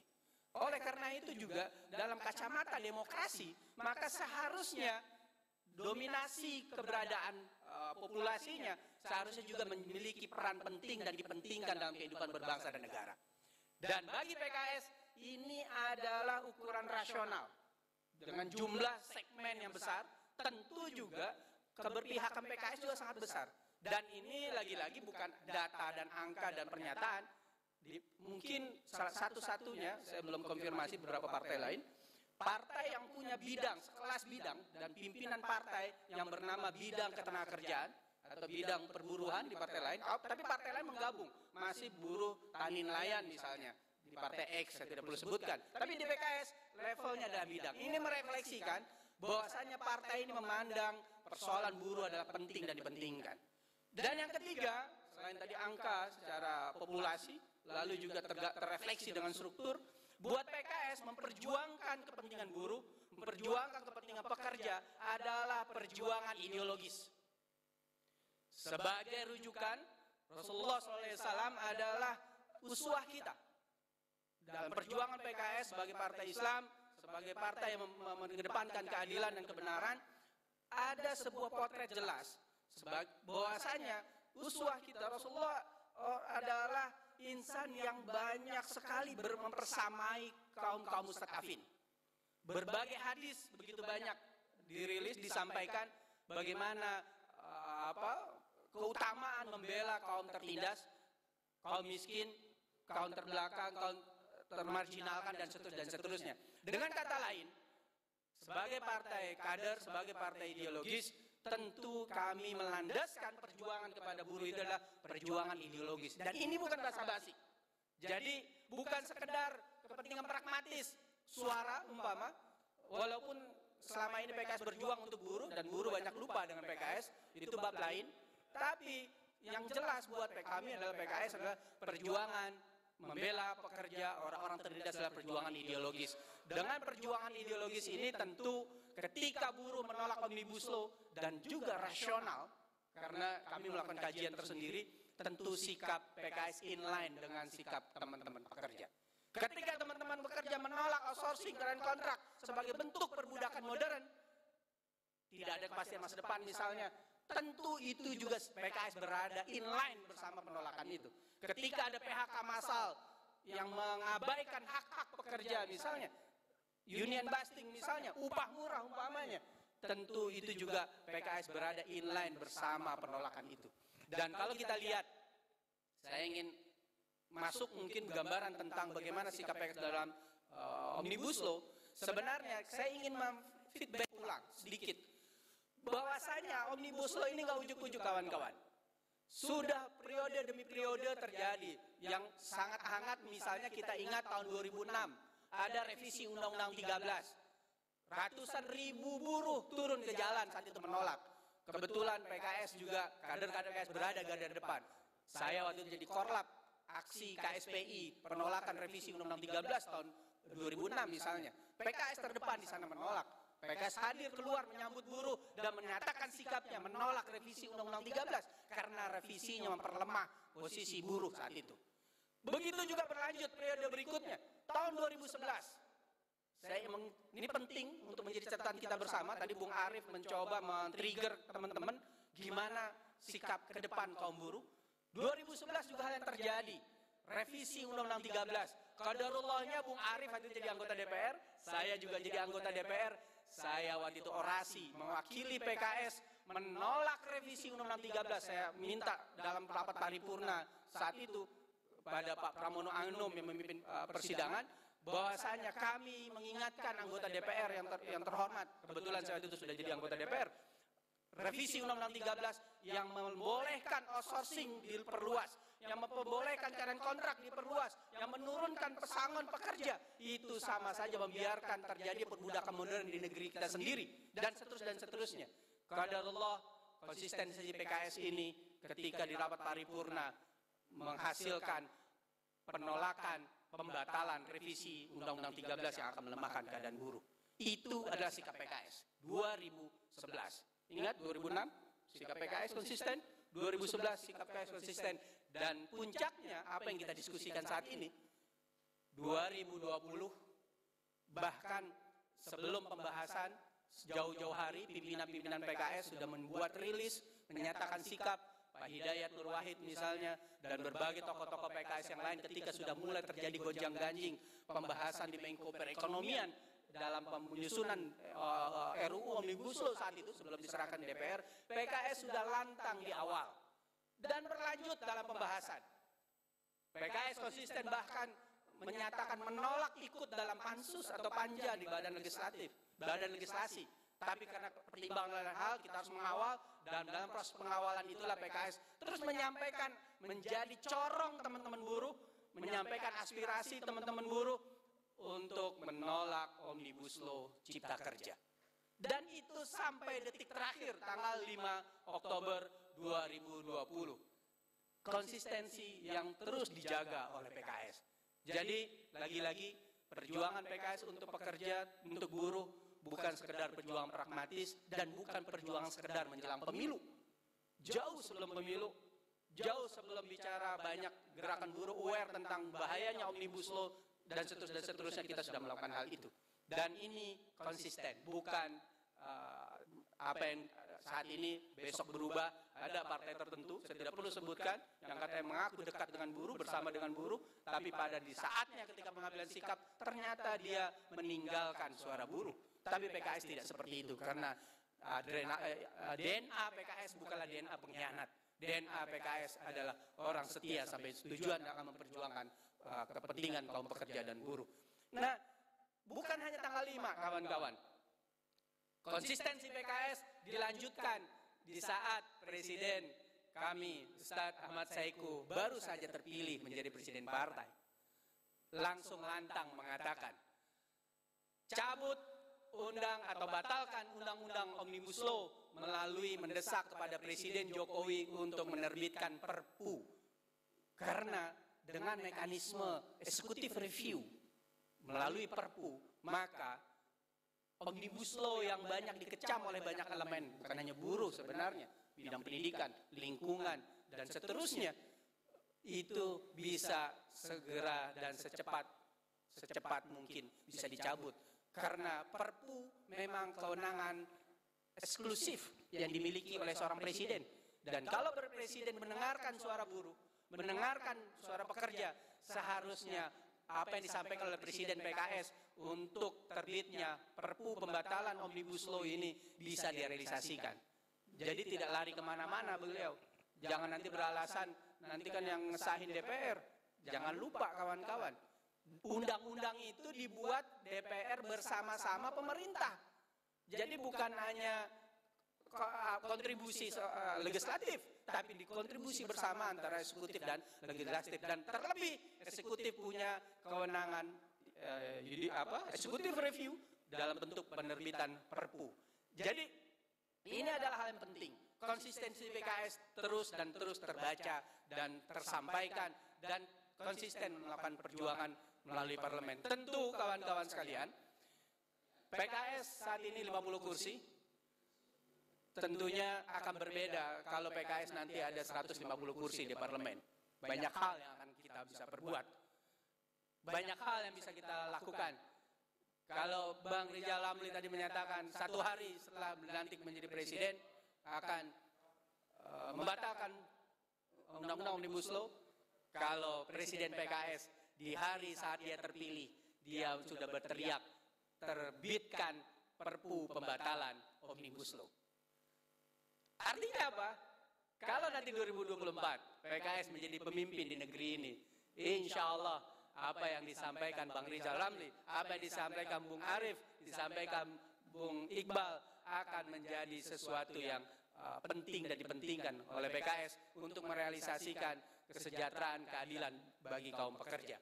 Jadi clear, bab Omnibus Law PKS menolak, clear PKS berjuang, dan konsisten istiqomah pada sampai pada arti akhir. Dan bukan hanya sampai pengesahan, setelah pengesahan pun pimpinan tertinggi menyatakan penolakannya dalam ini Presiden PKS dan mendesak terbitnya Perpu.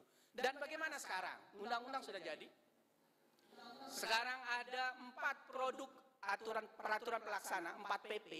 Ada namanya PP 34, 35, 36, 37 tahun 2021 yang mengatur beberapa hal sehubungan dengan Uh, undang-undang uh, Omnibus Law khususnya klaster ketenagakerjaan. Dan kami dari PKS sudah melakukan kajian terhadap tiga empat PP tadi. Dan tentu sejalan dengan penolakan terhadap Omnibus Law PKS melihat PP tadi justru membuat posisi buruh pekerja semakin terhimpit. Terutama yang sangat patut kita sorot adalah PP 35 misalnya yang dulunya pekerja atau buruh bisa mendapatkan pesangon 32 bulan upah. Ketika mereka mengakhiri masa kerjanya entah karena pensiun entah karena dan seterusnya, dan seterusnya ada ada lima jenis yang bisa dapat dua PMTK misalnya 30 bulan upah. Tereduksi dengan adanya omnibus law. Tereduksinya signifikan kawan-kawan. Tereduksi secara signifikan. Dan di PP 35 bukan sekedar mereduksi seperti apa yang tercantum dalam Undang-Undang nomor 2 nomor 11 tahun 2020 atau Undang-Undang Cipta Kerja yang di situ menghilangkan penggantian perumahan dan kesehatan senilai 15 persen. Jadi dua PMTK versi Undang-Undang 13 dengan dua PMTK versi Omnibus Law itu sebenarnya beda. Karena ada faktor pengalinya yang hilang. Jadi jangan salah, jangan teman-teman buruh salah ngitung nih. Wah di situ ada juga dua PMTK itu atau satu PMTK itu sama. Enggak. Jangan lupa Omnibus Law menghilangkan 15 persen yaitu penggantian perumahan dan kesehatan sehingga menyebabkan faktor pengali satu PMTK versi Undang-Undang 13 yang selama ini teman-teman pahami dengan faktor pengali satu PMTK versi Omnibus Law itu jumlahnya berbeda. Tentu Omnibus Law lebih kecil. Nah, dalam konteks PP 35 lebih dahsyat lagi. Ada yang namanya pesangon 0,5 kali hitungan. Bahkan ada 8 jenis PHK yang tanpa pesangon. Luar biasa. Padahal contohnya pelanggaran berat di Undang-Undang 13 pasal 158 sudah dicabut oleh Mahkamah Konstitusi, itu dihidupkan kembali. Yang seharusnya dulu tidak ada yang namanya 0 PMTK atau apalagi 0,5 PMTK yang ada minimal 1 PMTK. Dengan ada PP 35 membuat norma ada 7 jenis PHK yang menyebabkan pesangonnya cuma 0,5 PMTK. Dan ada 8 jenis PHK yang menyebabkan orang mendapatkan pesangon atau nol pesangon. Bayangkan orang sudah bekerja umpama 30 tahun, sekian berharap nanti di usia tuanya ada pegangan untuk uh, menikmati masa tua, apakah wira swasta atau uh, menikmati masa pensiun dengan ada tabungan yang cukup dengan uang pesangonnya, tapi ternyata tereduksi secara signifikan. Menjelang pensiun, umpama perusahaan bisa saja beralasan melakukan efisiensi dalam rangka menghindari terjadinya kerugian. Itu ada tuh pasal itu di PP 35. Jadi orang besok-besok bisa aja PHK suka-suka nih. Nggak suka sama Bung Arif misalnya, atau siapa pun pekerja atau buruh, lantas dia, dia beralasan dia meng PHK dengan alasan menghindari kerugian, dengan alasan PHK efisiensi dapat cuma satu PMTK atau efisiensi kena kerugian dapat cuma 0,5 pesangon. Luar biasa. Bahkan ada norma di PP 35 yang membolehkan PHK dengan dasar dia perusahaan sedang mengalami keterlambatan penundaan pembayaran hutang. Saya tanya sekarang, mungkin Bang Reza lebih paham itu. Perusahaan mana yang nggak punya utang hari ini? Jadi besok-besok orang bisa di PHK sembarangan dengan alasan ada kredit macetnya. Jadi pintu masuk PHK begitu banyak dan diperluas. Belum lagi persoalan outsourcing yang dibebas lepas, belum lagi karyawan kontrak, PKWT dan seterusnya. Tentu waktu akan sangat panjang kalau kita bahas detail, tapi setidak-tidaknya karena hostnya sudah mulai gelisah, setidak-tidaknya ingin saya katakan adalah PP 35 membuat buruh semakin terhimpit. Bahkan secara kajian akademis, saya kebetulan sudah bikin catatan khusus sebagai seorang praktisi hukum, sebagai lawyer, PP 35 ini bahkan bukan sekedar bertentangan dengan apa yang kita pahami di Undang-Undang 13, bahkan juga berbenturan dengan Omnibus Law-nya sendiri. Karena Undang-Undang Omnibus Law memberikan pesangon minimal satu PMTK bahasa sederhananya, tapi di PP 35 ada yang 0,5 bahkan 0 pesangon. Jadi luar biasa, ada kekacauan hukum dalam hal ini. Jadi dengan banyak catatan PKS clear, PKS sejalan, sebangun dengan sikap buruh. Menolak PP 35, menolak PP 34, seharusnya tenaga kerja asing itu diperketat, bukan diperingan di saat anak negeri sedang banyak menjadi pengangguran menolak PP 36 dan juga menolak PP 37 yang namanya jaminan kehilangan pekerjaan itu hanya bunga-bunga yang jumlahnya nggak seberapa. Itu permen gula-gula atas penghapusan berbagai derajat pesangon misalnya. Jadi berbagai PP aturan itu tentu ini bukan domainnya uh, DPR, tapi setidak-tidaknya kami dari sebagai partai melihat berbagai PP aturan tentang Omnibus Law itu membuat pekerja posisi buruh semakin terhimpit.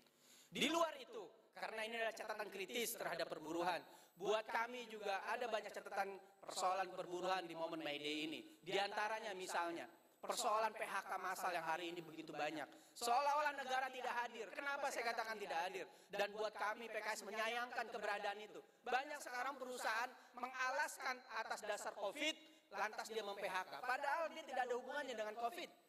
Misalnya, mengalaskan mem-PHK massal, merumahkan, bahkan hanya membayar upah 10% dengan keadaan force major yang disalahartikan. Lagi-lagi pemerintah seakan-akan tidak cakap untuk mengawal, mengawasi, padahal ada namanya dirjen pengawasan atau kepala seksi, kepala bidang di para, para dinas dalam melakukan pengawasan terhadap penyimpangan PHK yang tidak sesuai norma.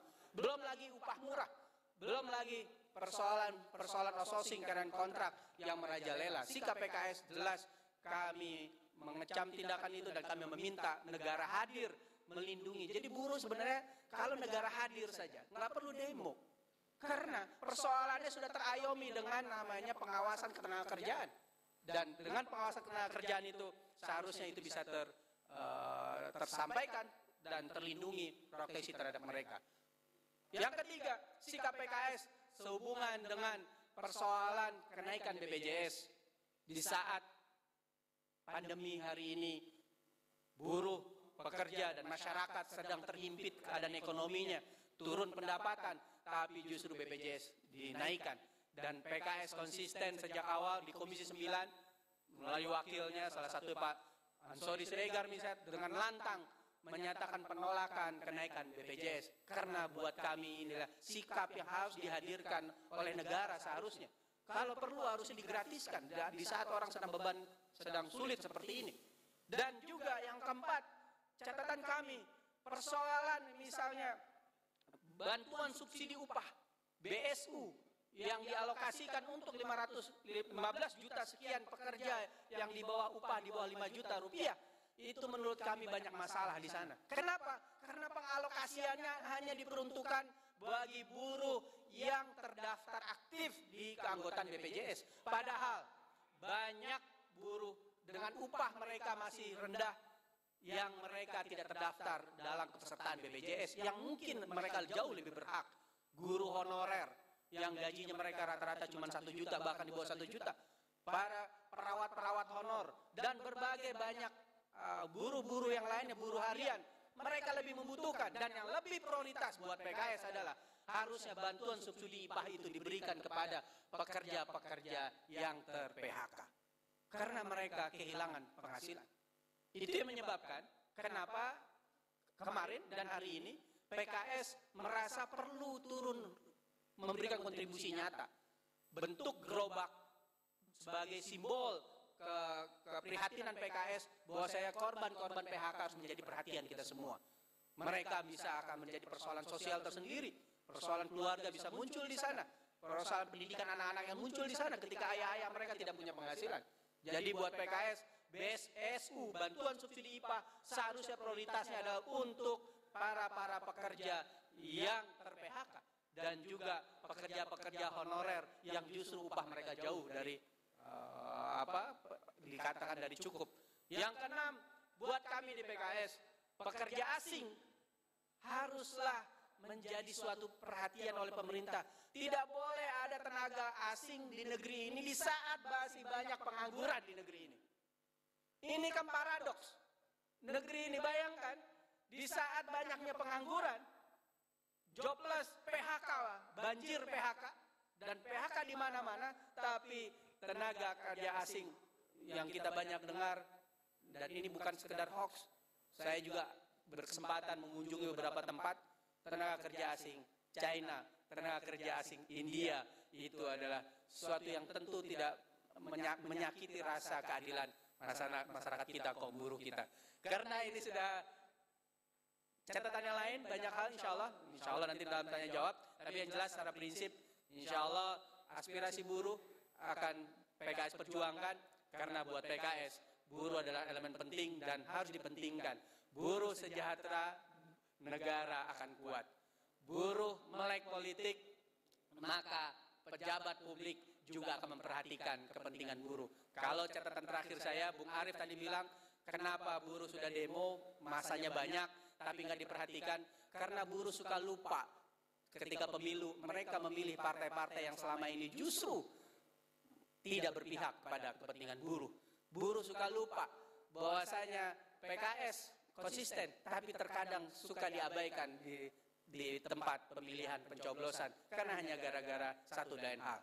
Jadi janganlah jadi masyarakat pelupa, dukunglah orang yang konsisten, Bung Rizal misalnya konsisten, dukung beliau. PKS konsisten, dukung PKS. Partai X tidak konsisten, jangan pilih, pilih Partai X. Dan kalau itu dilakukan oleh buruh, yakinlah buruh akan dipentingkan oleh partai politik, oleh pemangku kepentingan di negeri ini. Pada kekurangan khilafat saya mohon maaf. Wabillahi taufiq Assalamualaikum warahmatullahi wabarakatuh. Ya, Waalaikumsalam warahmatullahi wabarakatuh. Luar biasa kepada Pak Indra selaku Wakil Ketua Bidang ketenagakerjaan dari BPKS. Beliau ini seorang aktivis dulu tahun 2006 pernah menjadi kolab aksi dari KSPI menolak uh, revisi Undang 13. Ya Bapak Ibu sekalian, uh, luar biasa pemaparan dari para narasumber dari mulai Presiden BPKS yang menyatakan bahwasannya negara tidak hadir ketika uh, buruh membutuhkan kesejahteraan, ketika masyarakat membutuhkan pekerjaan. Kemudian Pak Iqbal juga menyampaikan betapa Undang-Undang Omnibus Law ini kemudian mengurangi siap buruh, mengurangi perlindungan kaum buruh. Bang Rijal juga menyampaikan bahwasanya salah strategi dari pemerintah dalam mengelola sebuah krisis yang terjadi pada hari ini. Pak Arif juga menyampaikan buruh harus uh, melakukan sebuah perubahan gerakan agar buruh kemudian menjadi uh, elemen penting negara ini. Terakhir Pak Indra menyampaikan bahwasannya sikap PKS jelas, terus konsisten, berjuang bersama kaum buruh, ya dan meminta komitmen dari kaum buruh untuk terus bersama-sama memperjuangkan kesejahteraan dan keadilan di Indonesia ini. Bapak Ibu sekalian, ada banyak uh, masukan dan juga beberapa pertanyaan yang masuk ke dalam chat. Uh, ada dari Bung Roni Febrianto dan juga lain-lain dan saya menyampaikan uh, memberikan kesempatan bagi teman-teman yang ingin bertanya silakan uh, raise hand saja atau juga melalui chat bisa menyampaikan pertanyaan-pertanyaan kritis kepada narasumber yang masih ada yaitu Pak Indra dan juga Pak Adi Binardi. Uh, tapi sebelum kita buka pertanyaan, kita ingin mendengarkan dulu ada sebuah ucapan selamat dari salah satu tokoh kritis PKS. Silakan.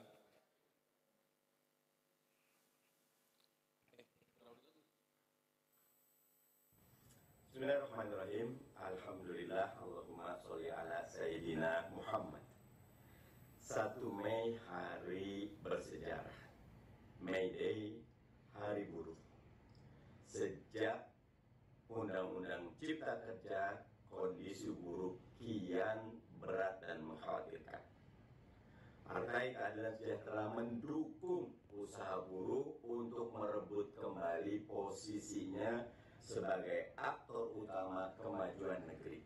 Karena itu, untuk 1 Mei 2021 ini, Partai Keadilan Sejahtera mendoakan Hari Buruh menjadi hari kebangkitan, kesejahteraan, dan keadilan bagi buruh di seluruh Indonesia. Saya Mardani Alisera. Terima kasih.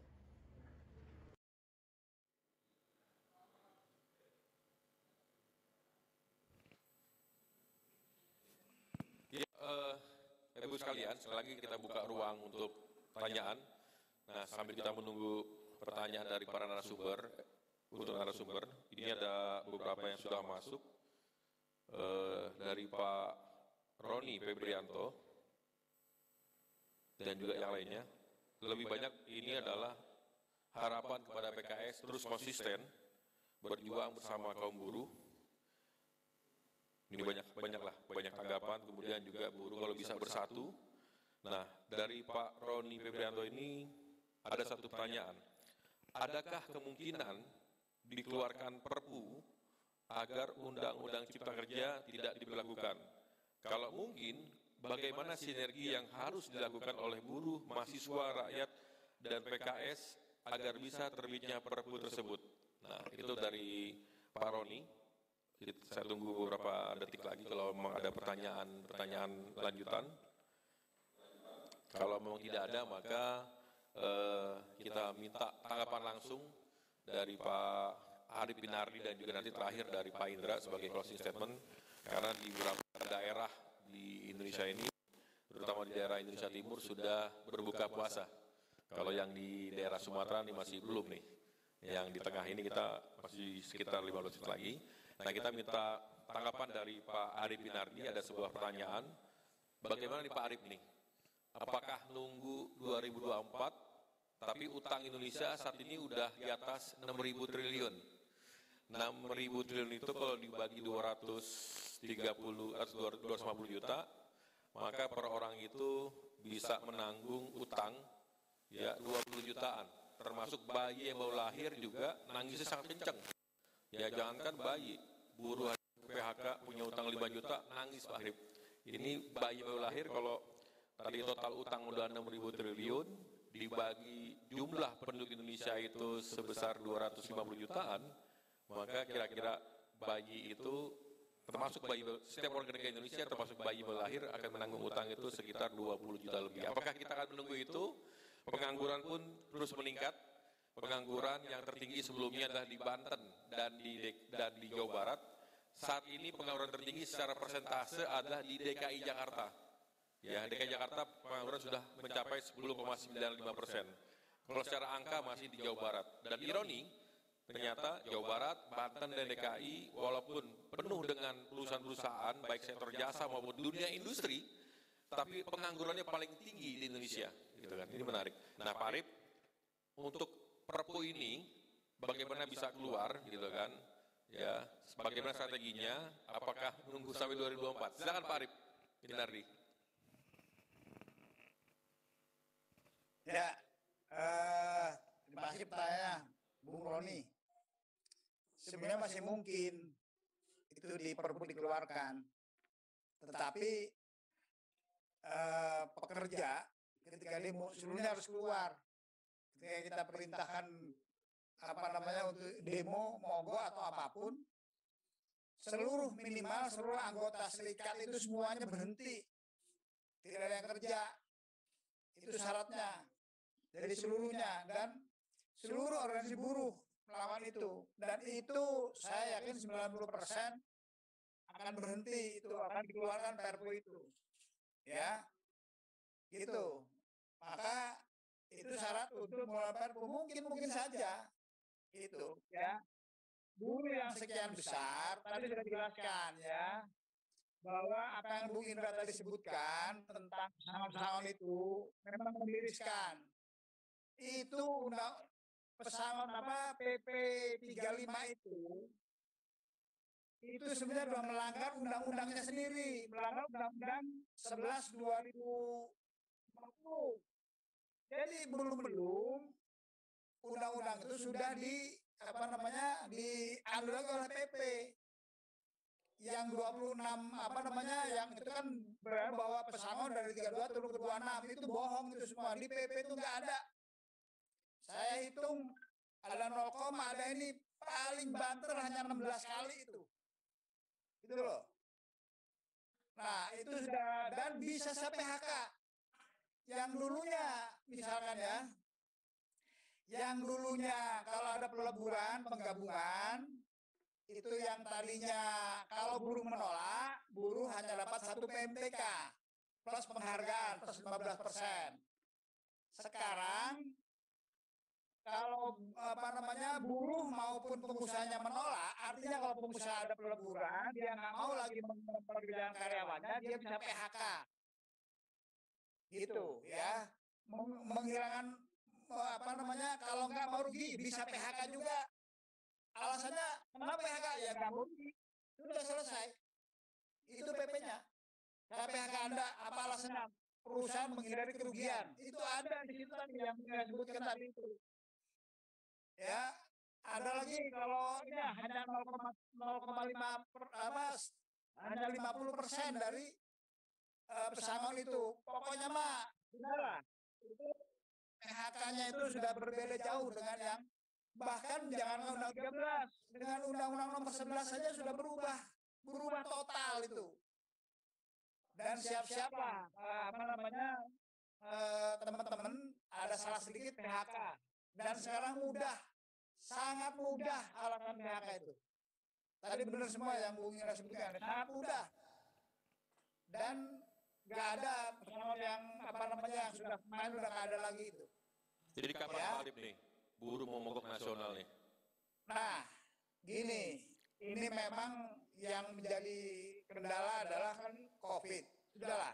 Saat ini faktanya kalau kami pengurus ya kalau kami pengurus sebenarnya sudah siap. Kapan pun tinggal perintahkan. Hanya saja uh, perusahaan teman-teman itu ya ini kendalanya yang kami alami itu ketika habis demo itu dia harus swab biaya sendiri.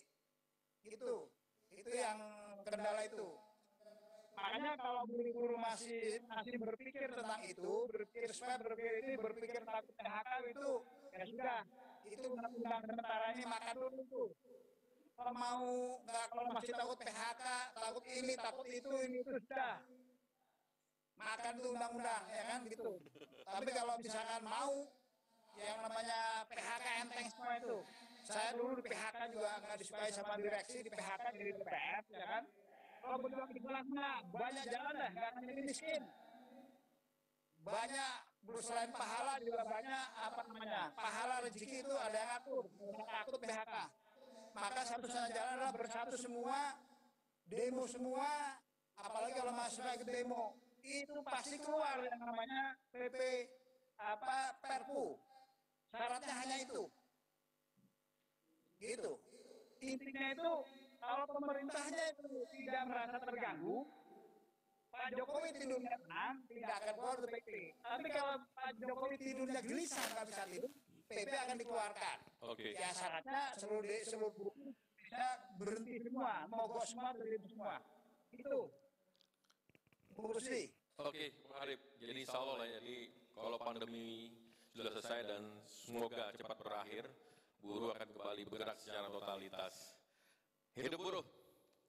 Ya, eh, terakhir kepada Pak Indra, eh, pertanyaan yang sama terkait dengan bagaimana Perpu ini bisa eh, segera keluar, bagaimana strateginya dalam konteks eh, PKS.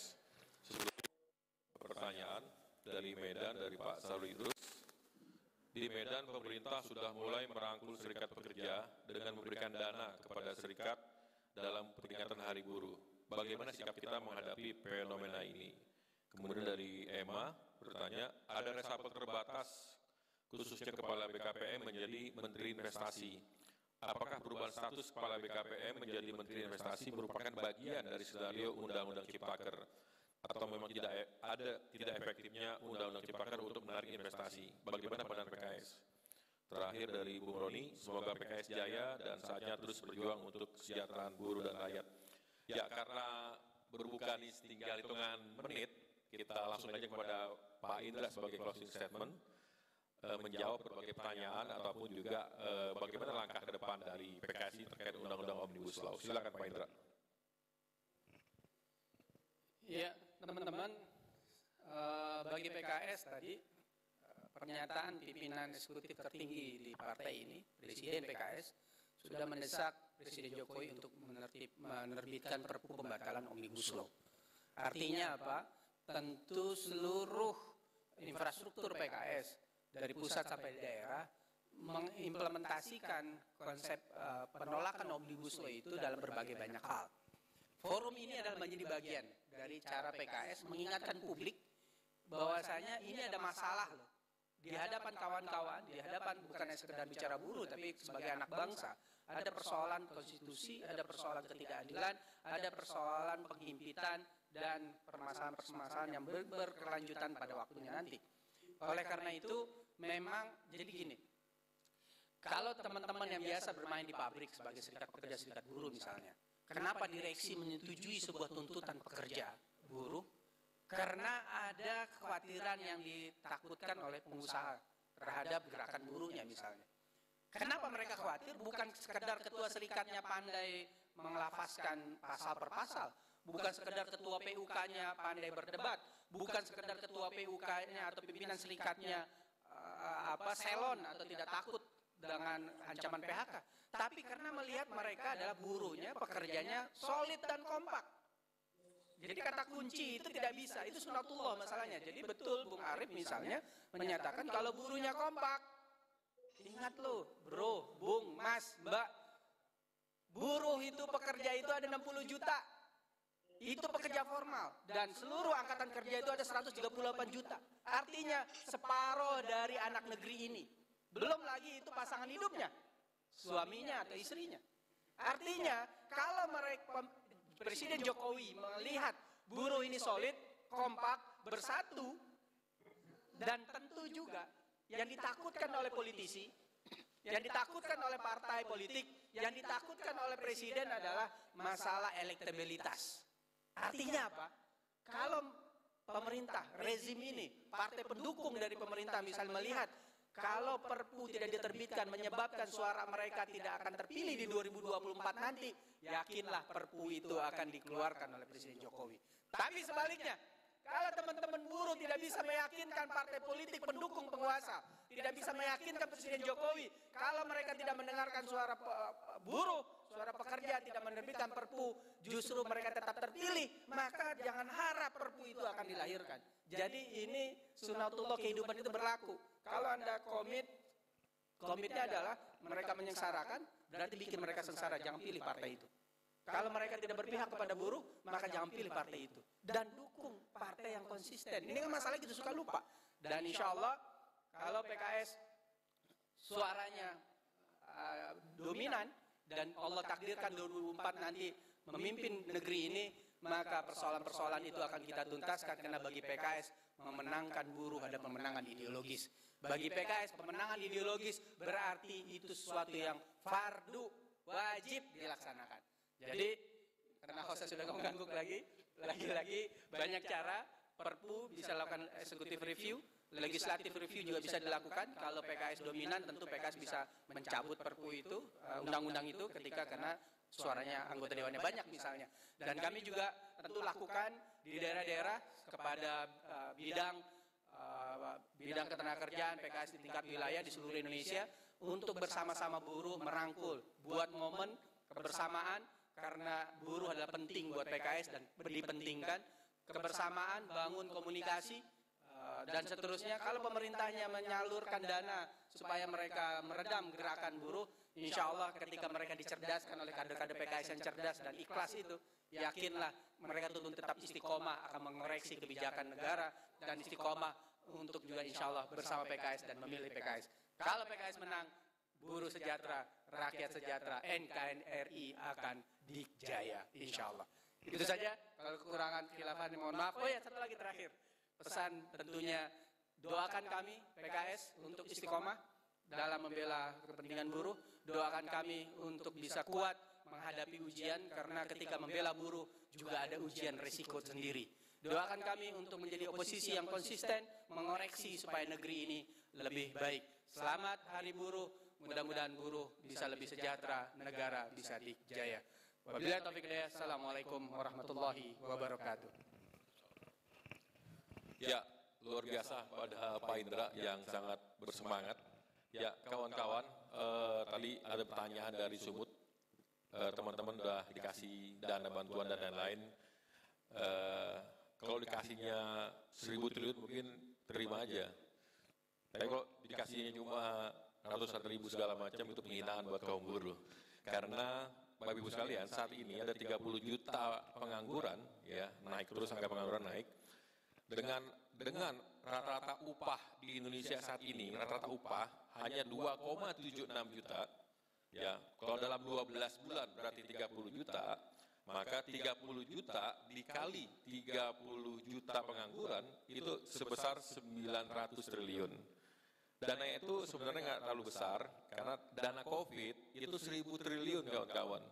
Jadi artinya pengangguran selesai. kalau sebagian besar dana COVID itu dipakai untuk program yang namanya job garanti, di mana pemerintah kemudian